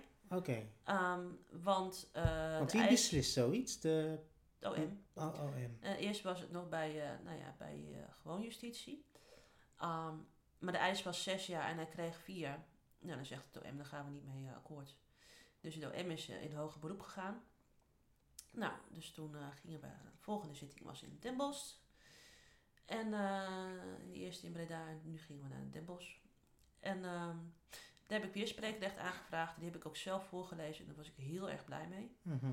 Ehm, en eh, ja, toen was er ook nog... Mijn, mijn moeder heeft heel veel ge- ge- gesouffleerd, maar ik, ik had wel het, eigenlijk het verhaal wel zo in mijn hoofd dat als zij de eerste zin of de eerste twee woorden zei, dat ik dacht, oh ja, oh ja, daar, Ja. dat gingen we zeggen. En je mag als slachtoffer, mag je dus ook zelf eh, de straf benoemen. Mhm.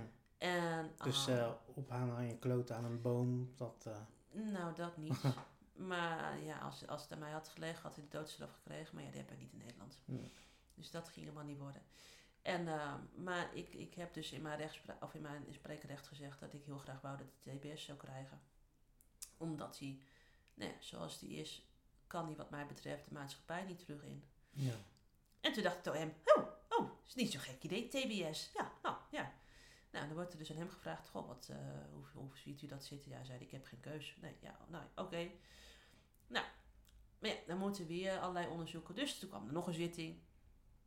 En, ehm, want hij ging dan niet naar, naar het Peter, Peter Baan Centrum, maar hij, hij kreeg dan eh gesprek in de gevangenis door de psycholoog, psychiater en de reclassering. En eh, daar die moesten allebei, alle drie, een rapport schrijven. Nou, uiteindelijk heeft de reclassering een heel waardeloos potje neergelegd bij de rechtbank. Ehm, waarop de rechter zelf zei van, nou, eh, dit is zo'n waardeloos potje, dat had ik zelf nog wel kunnen schrijven.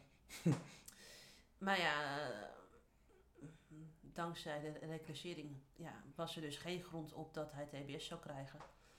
En het OM had zoiets van, ja weet je, we moeten, niet, we moeten deze zaak niet nog een keer aan gaan houden. Want zowel voor het slachtoffer als voor de dader is gewoon het beste dat hij zo snel mogelijk een uitspraak overkomt. Ja. Ja, want hij zat, hij zat, al, hij zat al vast. Ehm, want toen die uitspraak kwam van hij krijgt vier jaar, was het ook meteen dat hij eh, vast, of, eh, naar de gevangenis ging. En nu was het alleen nog even, even, even emmeren over hoe lang. Nou ja, en ehm, dus hij heeft inderdaad die eh, drie jaar gekregen. Dan moet ik even heel hard denken hoor. En ehm, nou ja, hij heeft een proeftijd van vijf jaar. En daar moet hij zich aan allerlei regeltjes houden. En als je dat niet doet, dan gaat hij weer terug de bak in. Ja, want... Voor een jaar. Ja, want... ehm, wat is dus eigenlijk voor de duidelijkheid? Hij is dus vrij nu. Hij is vrij, tussen aanhalingstekens, maar hij hoeft maar één, één misstapje te zetten. En eh, hij wordt weer terug. Ja. Het is net zo bij Monopoly, u gaat eh, meteen naar de gevangenis. U gaat niet, naar, niet, niet via start. Ja, niet via wel- start en u gaat ook niet vrij uit. Nee, en u krijgt ook geen 20.000 euro. Nee. nee. nee. Dus... Dus ja. Ja, ik, ik vind het een, nou, eigenlijk nog bizar. Jij bent slachtoffer voor het hele leven en hij is gewoon alweer vrij. ja en, dat, vind ik echt bizar dat dat gewoon kan. Ja, is het ook. En daar heb ik me in het begin, dat vind ik nog steeds het allergemeenst. Voor mijn gevoel, hè, ik, ik zit hier mijn leven lang aan vast. Ja, Ehm, dus ik heb levenslang, hij is vrij. En hij gaat vrolijk verder met zijn leven. Dan denk je, ja, bedoel, hoe, hoe oneerlijk is het eigenlijk? ja, ja, heel oneerlijk. Ja. Want het is echt zo bizar. Nou, vooral, ja, kan er echt nou, zo kwaad om worden. Of, eh, ja, ja maar dat heeft geen zin. En in het begin Hmm. wou ik ook heel graag weten van, hè, hoe kan iemand zo zijn om dit te doen? Ehm, maar in de loop der tijd is het wel gesleten en denk van, ja, weet je, als, als hij het al niet weet, ja, dan kan hij het ook niet uitleggen. nee, want, hij, nee, want ehm, is er een reden dat hij geen TBS heeft gekregen? Nou, dat weet ik niet meer Hmm. wat de reden daarvoor is. Maar ehm, er werd wel zijn psychiatrisch eh, rapport werd voorgelezen. Toen dacht ik, oh, yes, Ja, hij is gewoon zoals die is. ja, Zoals het hier op papier staat, zo, is, zo ken ik hem ook. En eigenlijk was dat voor mij heel erg de bevestiging van ik ben niet gek. ja. Je hebt het ben gewoon eindelijk niet- zwart op wit. Ja, en ik ben niet. ehm, hij heeft zich niet anders voor gedaan zoals hij is. Ja, toen ik hem leerde kennen. Ja, Maar ik heb hem dus eigenlijk, ik denk, een van de weinige mensen die hem echt eh, heeft meegemaakt zoals hij is. ja. En dat is gewoon echt niet een leuk persoon. Nee. En wat ik ook wel bijzonder vind, want ik leerde jou, denk ik, nou, we zijn, Ik ben 24 november gestart. ja, ik, ik zat er toen al Ja. voor de tweede keer, een paar Mhm. weken. En ik denk, eh, jij, jij vertelt het verhaal, denk ik, Nou, het was ook een beetje van... ja. ehm, Je, verhaal, je vertelde het verhaal best wel snel. Ja. En toen dacht ik, en toen was het nou eigenlijk nog wel best wel vers. mhm, En je hebt er eigenlijk eh, nooit een geheim van gemaakt, hè? Nee. En ehm, is dat eigenlijk een soort van eh, een knop die er is omgegaan van ik ga gewoon... Ja, ehm, ja, want toen ik in het ziekenhuis lag, kwam een Ja? vriendin van mij langs en die zei van, jij kan hier helemaal niks aan doen. Je moet je eigenlijk voorstellen, je bent gewoon overreden door een bulldozer. ja, twee Ja. keer. Ja, Eén keer heen en één keer terug. ja, inderdaad. Toen dacht ik, ja, dat vind ik wel een hele hele mooie vergelijking. Nee, en toen, ehm, eh, voor de mishandeling eh, had ik al observatieweek gehad. Ja. Dus ik zou, er, ik zou sowieso gaan revalideren. Ehm, maar ja, toen kwam die mishandeling er even tussendoor. En ehm, toen, eh, toen, toen heb ik ook eh, diegene gesproken die mijn observatieweek heeft gedaan. En die zei van nou, hè, ga eerst maar even herstellen. En eh, als jij op een gegeven moment denkt van nou, ik heb het eraan toe. Dan bel je maar ons op en dan zeg je van nou, ik ben wel in staat om te starten. Ja. Maar ik had wel zoiets van nou, dan moet ik wel weer alleen durven te slapen. En het liefst zonder licht. Ja. Nou, dat durfde ik weer. Dus ik dacht ergens in november van nou, ik heb, ik heb er eigenlijk wel zin in. Ja, weer wat anders, weer andere mensen omheen. Maar ja, omdat mijn energielevel gewoon zo vreselijk laag was, zeiden ze op het loop van nou, hè, anders begin je gewoon twee dagen, kom je gewoon donderdag en vrijdag. Ja. En dan, eh, dan bouwen we het eh, op een gegeven moment wel weer uit. En toen dacht ik van ja, dan gaan dus natuurlijk allemaal mensen vragen waarom ben je er met twee weken of twee dagen in de week. Terwijl iedereen begint met vijf en dan bouw je het langzaam af. ja. Eentje andersom. ja. ja, jij was ook volgens mij een van de weinigen die ook de hele vrijdag moesten. Nou, ik, Of- ja, eh, nou, ik begon, eh, maandag en dinsdag zat ik in het revalidatiecentrum op de loopschool. Eh, Mhm. dus ik, ik, ik zat toen ook met mijn been. Ja. Dus ik revalideerde op maandag en dinsdag leerde ik lopen. Mhm. Dan dinsdagmiddag werd ik opgehaald bij het revalidatiecentrum. Werd ik naar Apeldoorn gebracht. Dus Ja. ik was daar, denk ik, dinsdagavond Mhm. net op tijd om nog mee te eten. En toen zat ik er tot vrijdag, Ja. tot vijf uur of zo. Ja, ik ook. ja. Ja. Ja, want jij had dan, dan eh, Charlotte Glory of ik had Charlotte. Ja, jij had, mij- jij had voor, eh, voor mij altijd Charlotte. Ja. ja. Dus ik eh, ja. zat daar tot laat. Samen ik met, ook. samen met Bert deed ik het licht uit. Of de deur op slot. Ik heb het eentje voor elkaar gekregen dat hij nog langer moest wachten. Toen hadden ze nou, maar dit niet ingeboekt. Ja, ik, ik heb ook eens een keer daar tot zeven uur gezeten. Ja, dan zit je er echt tot zeven En dan ben je pas, eh, nou, rond, ja, rond negen uur was ik in Den Haag of zo. Mhm. Ja. Ja. Dus, eh, maar ja, toen dacht ik van ja, wat, wat ga ik dan vertellen? Ja, Flans ik dan een verhaal in elkaar of vertel ik gewoon het verhaal? En toen dacht ik nee, ik ga gewoon het verhaal vertellen. mhm. Want dan wordt het ook een soort van normaal voor mezelf. ja, En is het niet een big deal, want ja, ik kan er niks aan doen. nee. Het, het is mij overkomen en ja, helaas kan iedereen het overkomen. Maar ja, waarom zou ik erover liegen terwijl ik er zelf niks aan kan doen? Ja. En, en het is ook een soort van werkingsproces voor mezelf. Eh, ja, nou, ik. eh, ja en nee. Voor mij is het ja en nee. Eh, Aan de ene kant wel. Ehm, maar als ik mijn eigen verhaal terughoor, of teruglees, of, of via, eh, via een interview of via een, een podcast of zo, Ja. dan denk ik echt van: oh kut man, dat, dat ben ik. Dat, Mhm. eh, ik heb ja gezegd tegen een amputatie, ik heb ja gezegd tegen, tegen alles ja. wat er is gebeurd. En Ja. dan vind ik het veel heftiger dan, dan dat ik het op een podium vertel. Want dan Mhm. lijkt het alsof ik een soort, nou ja, uitstap. Ja. En ook er anders tegenaan praat. En Mhm. over iemand, over iemand anders praat. Dat heb ik ook. Als je er nou echt, echt heel diep op ingaat, dan, dan heb je me op een gegeven moment aan het huilen. Ja, klopt. Dat, eh, Ja. Ja. dat, eh, bij mij wordt het dan ook wel eh, heftig, ja. Ja. En eh, kijk, en bij jou had ik zoiets van, nou, eerst geloofde ik het niet. Want ik dacht, nou, hoe kan het nou elke ochtend zo hard zingen en, en, en dan Ja. zo'n heftig verhaal. Klopt. Toen En ik dacht moest ik, bijvoorbeeld ook toen ik uit het ziekenhuis in Tilburg kwam. Ik ben best, best wel iemand die dingen oppot. En toen heb ik met mezelf afgesproken dat ik elke dag tenminste één keer moest huilen. mm, Nou ja, dan kwam de post of zo. Of iemand die stuurde een lief kaartje. Nou, dat, dat was ook niet heel erg moeilijk. Maar ik dacht, ja, weet je, anders krijg ik het straks nog een keer moe- moeilijk mee. Dus ik moet voor mezelf gewoon minstens één keer per dag huilen. Ja. Nou ja, dat was ook wel een soort van opluchting. En mijn moeder las er natuurlijk kaartjes voor. En soms zaten we met z'n tweeën heel hard te huilen. Ja. Ja, Ja, dan zijn eh, nou ja, zulke gebaartjes echt heel veel dingen waard. Mhm. Ja. ja. Want ik weet, eh, ehm, nou, ik, ik werd wakker uit de narcose. En toen had ik eigenlijk niet zo heel veel in de gaten. En er waren wat vrienden op zaal of bij mij in de kamer. Mhm. Heb ik ook niet zo heel veel van meegekregen. Nee.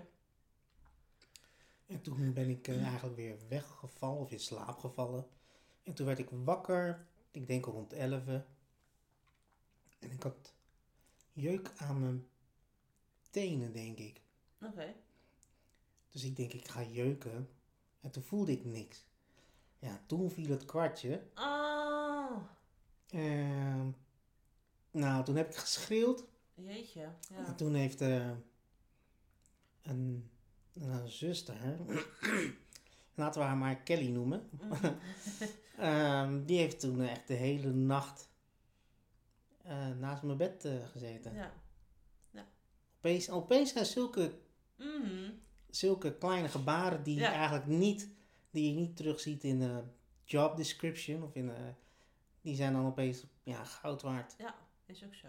En, en ik vond het zelfs stom als er geen post was op maandag. Toen zei ik, nou, dat was er bij de eerste vraag die ik stelde, s ochtends, eh, is er nog post? Toen zei mijn moeder, nee, want het is Ja. maandag. Oh, oh, dat is stom. ja. We hebben nog Facebook berichtjes, want ik wou in het begin ook helemaal geen telefoon. En eh, nou ja, dan gingen we Facebook eh, berichtjes bekijken. Nou, nou, dat was het dan. Maar ja, die kaartjes waren eigenlijk gewoon een beetje de hoogte, het hoogtepunt van de dag. ja, ik heb ook al mijn kaarten nog. Ja, ik ook. Ja, Die zitten in een doos. En die wil ik ook nog een keertje gewoon rustig eh, doorlezen. doorlezen, ja. door voor laten lezen, eh, hoe je het wil noemen.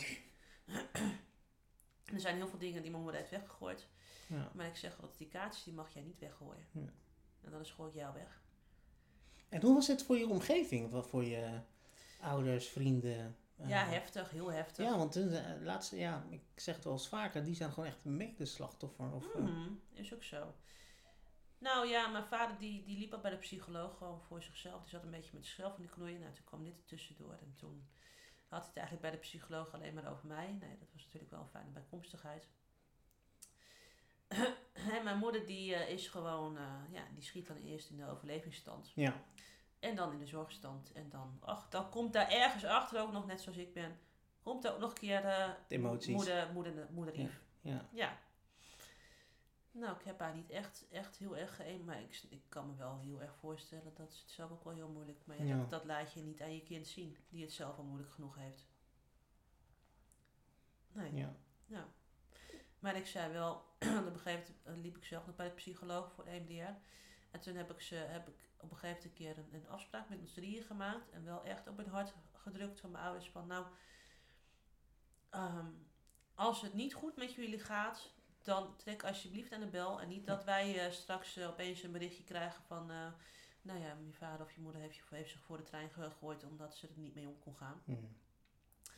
Maar dat hebben ze ons ook echt beloofd, mijn zus, zowel mij als mijn zus. Van nou, als we hulp nodig hebben, ja. dan trekken we echt wel aan de bel. Ik zeg, nou, dan is het goed. En hoe is, dat, hoe is het eigenlijk, want we zijn nu een aantal jaar verder. Ehm, hoe is het nu eigenlijk? Eh, heb je nog angsten of heb je nog, is er nog een groot eh, wantrouwen aanwezig?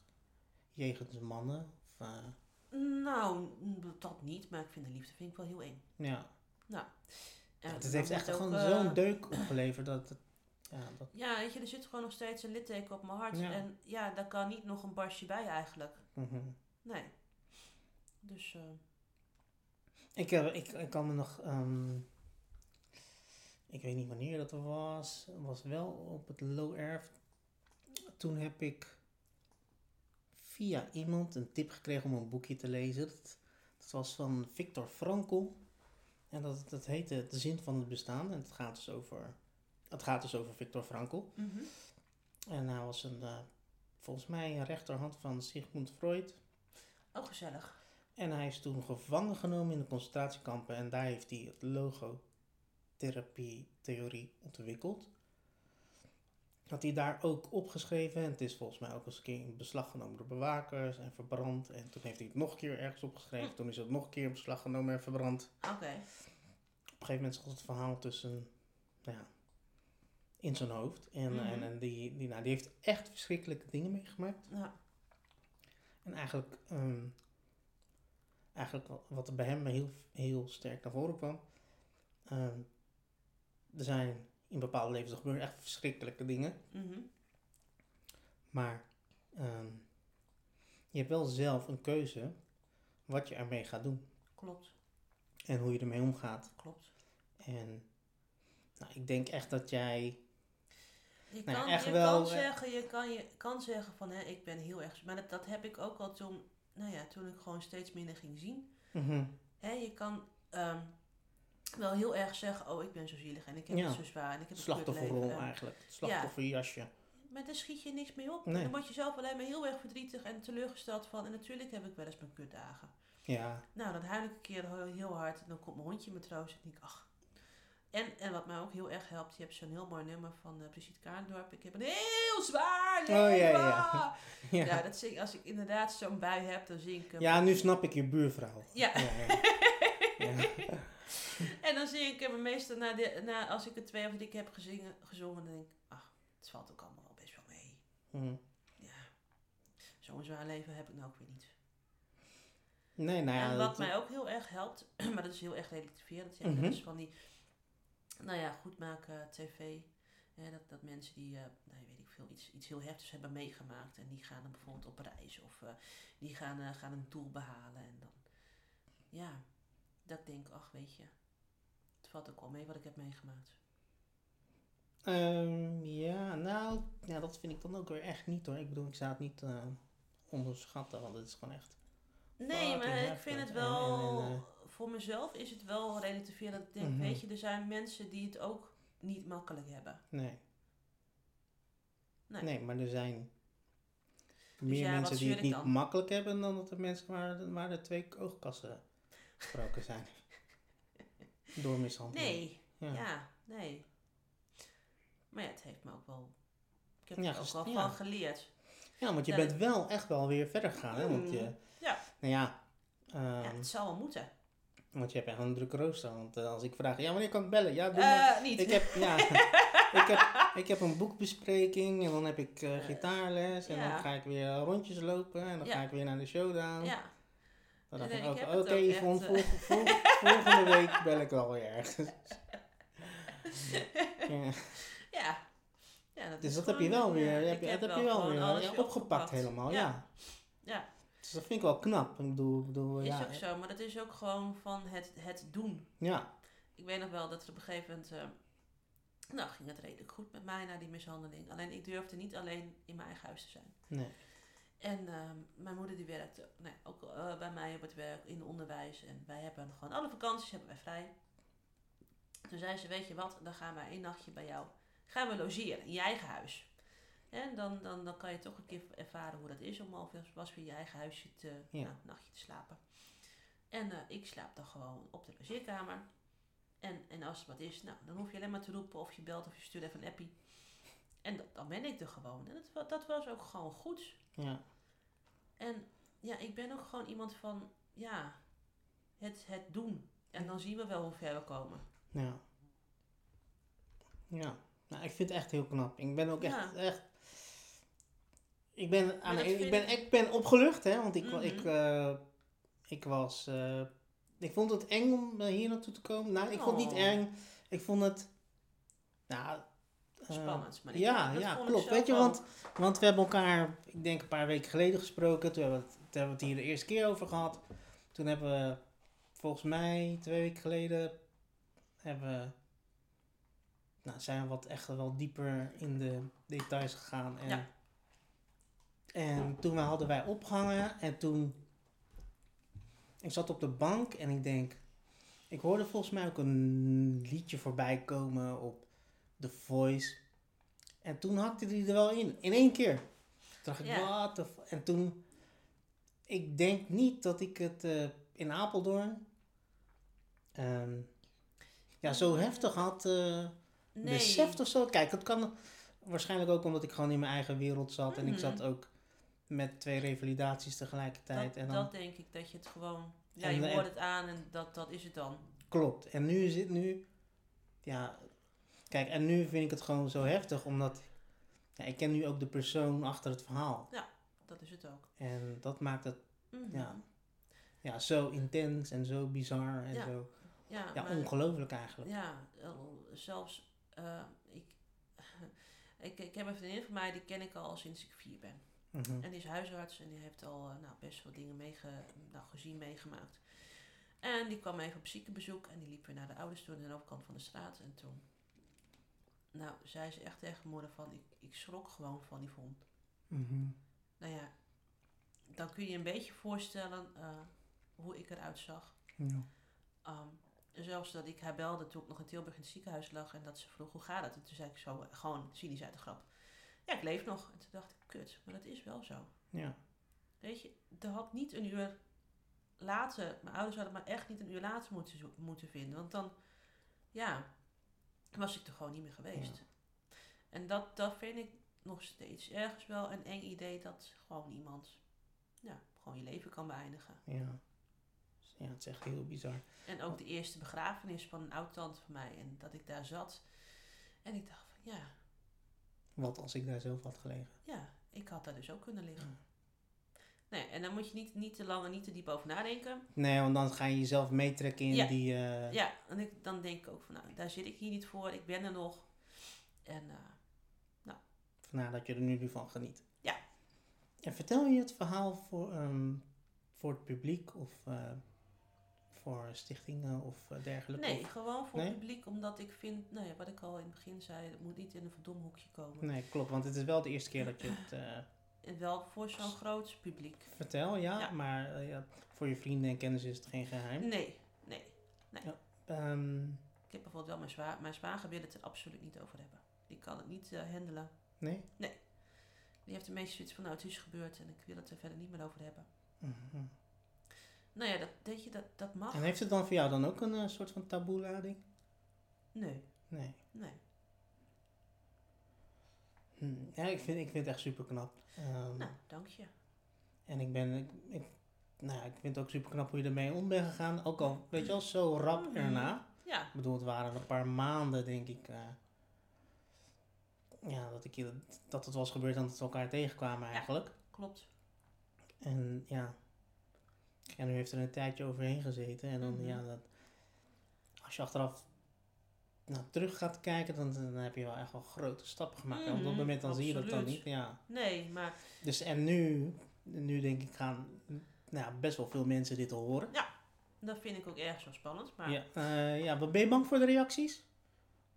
nee, ik denk wel dat ik positieve reacties krijg. Ja, ik denk, ik weet er wel zeker van wel. Ja, Ja, en eh, nou ja, dat het gewoon iedereen kan overkomen. ja. Nou, ik vond het, nou, ja, ik vond het echt heel bijzonder dat ik eh, hier mocht zijn. Ik vond het echt super bijzonder dat je dit wilde vertellen. Ja, nou graag En ehm, ja, ik vond het super fijn eigenlijk. Ja. En nu is het eigenlijk al de vierde keer achter elkaar dat ik super zeg. maar dat komt dat ik. Want nu, nu is het eigenlijk een soort van ja, een beetje een last van mijn schouder. En, en, en, Mhm. en we- we- Maar goed, wat ik heb, ik heb altijd, zoals jij dan misschien mij als voorbeeld, ik heb jou altijd als voorbeeld. Ja. Ja, dat Ja. is heel, ja. Ja, raar. Ik, ik- eh, het, het, het komt dan wel. Ik, weet je, ik, ik ben daar vereerd voor, want ik hoor het wel eens. En eh, ehm, ja, want ik weet niet of jij dat ook had, maar ja, toen we in Apeldoorn zaten, heb je, wel- ik heb wel eens echt wel mensen tegengekomen die, nou ja, die zichzelf prezen om de, om de oogaandoening die ze hadden. Uh, Oh. Dat, dat, dat er wel eens werd- eh, vroegen van, nou, hoeveel zie jij? Nou, ja, ik zie nog maar, ik zie 30%. Oh ja, maar ik zie 10. Oh, Alsof, alsof, alsof hoe minder je, zag, hoe beter het was en Mhm. hoe zieliger je was. Ja. En sommigen zaten wel echt in een slachtoffer. Mhm.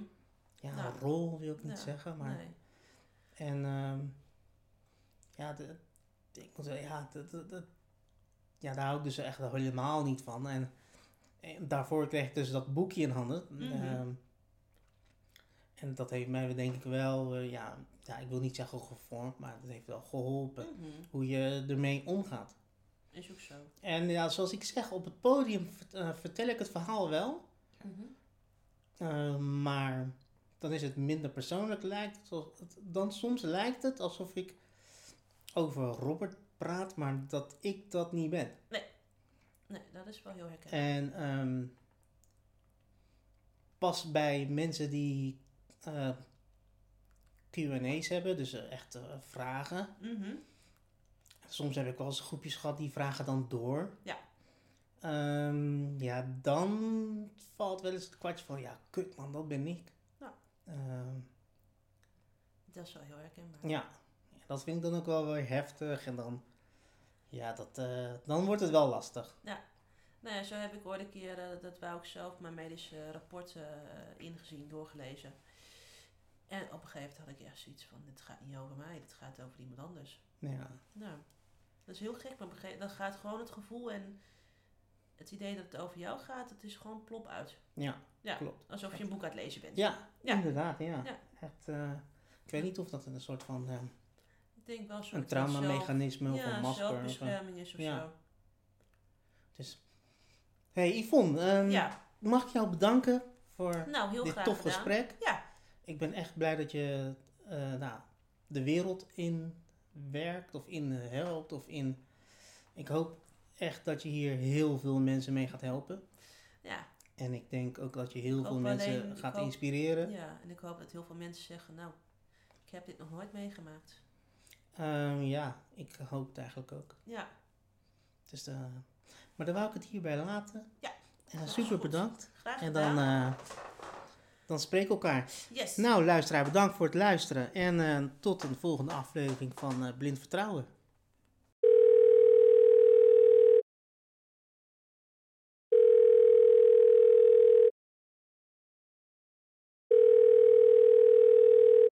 Hello, is it me you're looking for? Aha, dit is de voicemail van Yvonne Zuidema. Laat je berichtje achter naar de piep en ik bel je terug. Hey Yvonne. Liefde is licht. Liefde is donker. Maar liefde is alles bij hem waar jij voor zwicht. Bij jou was liefde geen honeymoonsweken. Bij jou was zijn liefde een verstikkende deken. Liefde is een zegen. Liefde is een vloek. Maar liefde komt altijd ongelegen. Bij jou was liefde jou isoleren. Bij jou was liefde een slang op de IC intuberen. Liefde is puur, liefde is zoet, maar liefde smaakt soms zuur. Bij jou was liefde zijn vuisten ontwijken, bij jou was liefde de dood willen aankijken. Liefde is lief, liefde is tijdloos, maar liefde is suggestief. Bij jou was liefde op je tellen passen, bij jou was liefde twee gebroken oogkassen. Liefde zweeft, liefde is zwaar, maar liefde is dat je om iemand geeft. Bij jou had liefde te diep in het glaasje gekeken. Bij jou was liefde dat hij jouw pols kon breken. Eigenlijk weet niemand wat liefde is. En ieder geeft aan haar een eigen betekenis. Als rode draad is liefde wel verbinden. Daarom, Yvonne, zal liefde jou wel vinden. Warme brassa, Robert. Zit jij in een gewelddadige relatie? Zoek je hulp en kom je hier niet uit? Neem dan contact op met Veilig Thuis via 0800 20 00. Wil jij op de hoogte blijven van de nieuwste afleveringen van Blind Vertrouwen podcast? Abonneer je dan via je favoriete podcastkanalen. Ook zijn wij te vinden op social media onder de naam Blind Vertrouwen Podcast. Bedankt voor het luisteren en tot de volgende aflevering.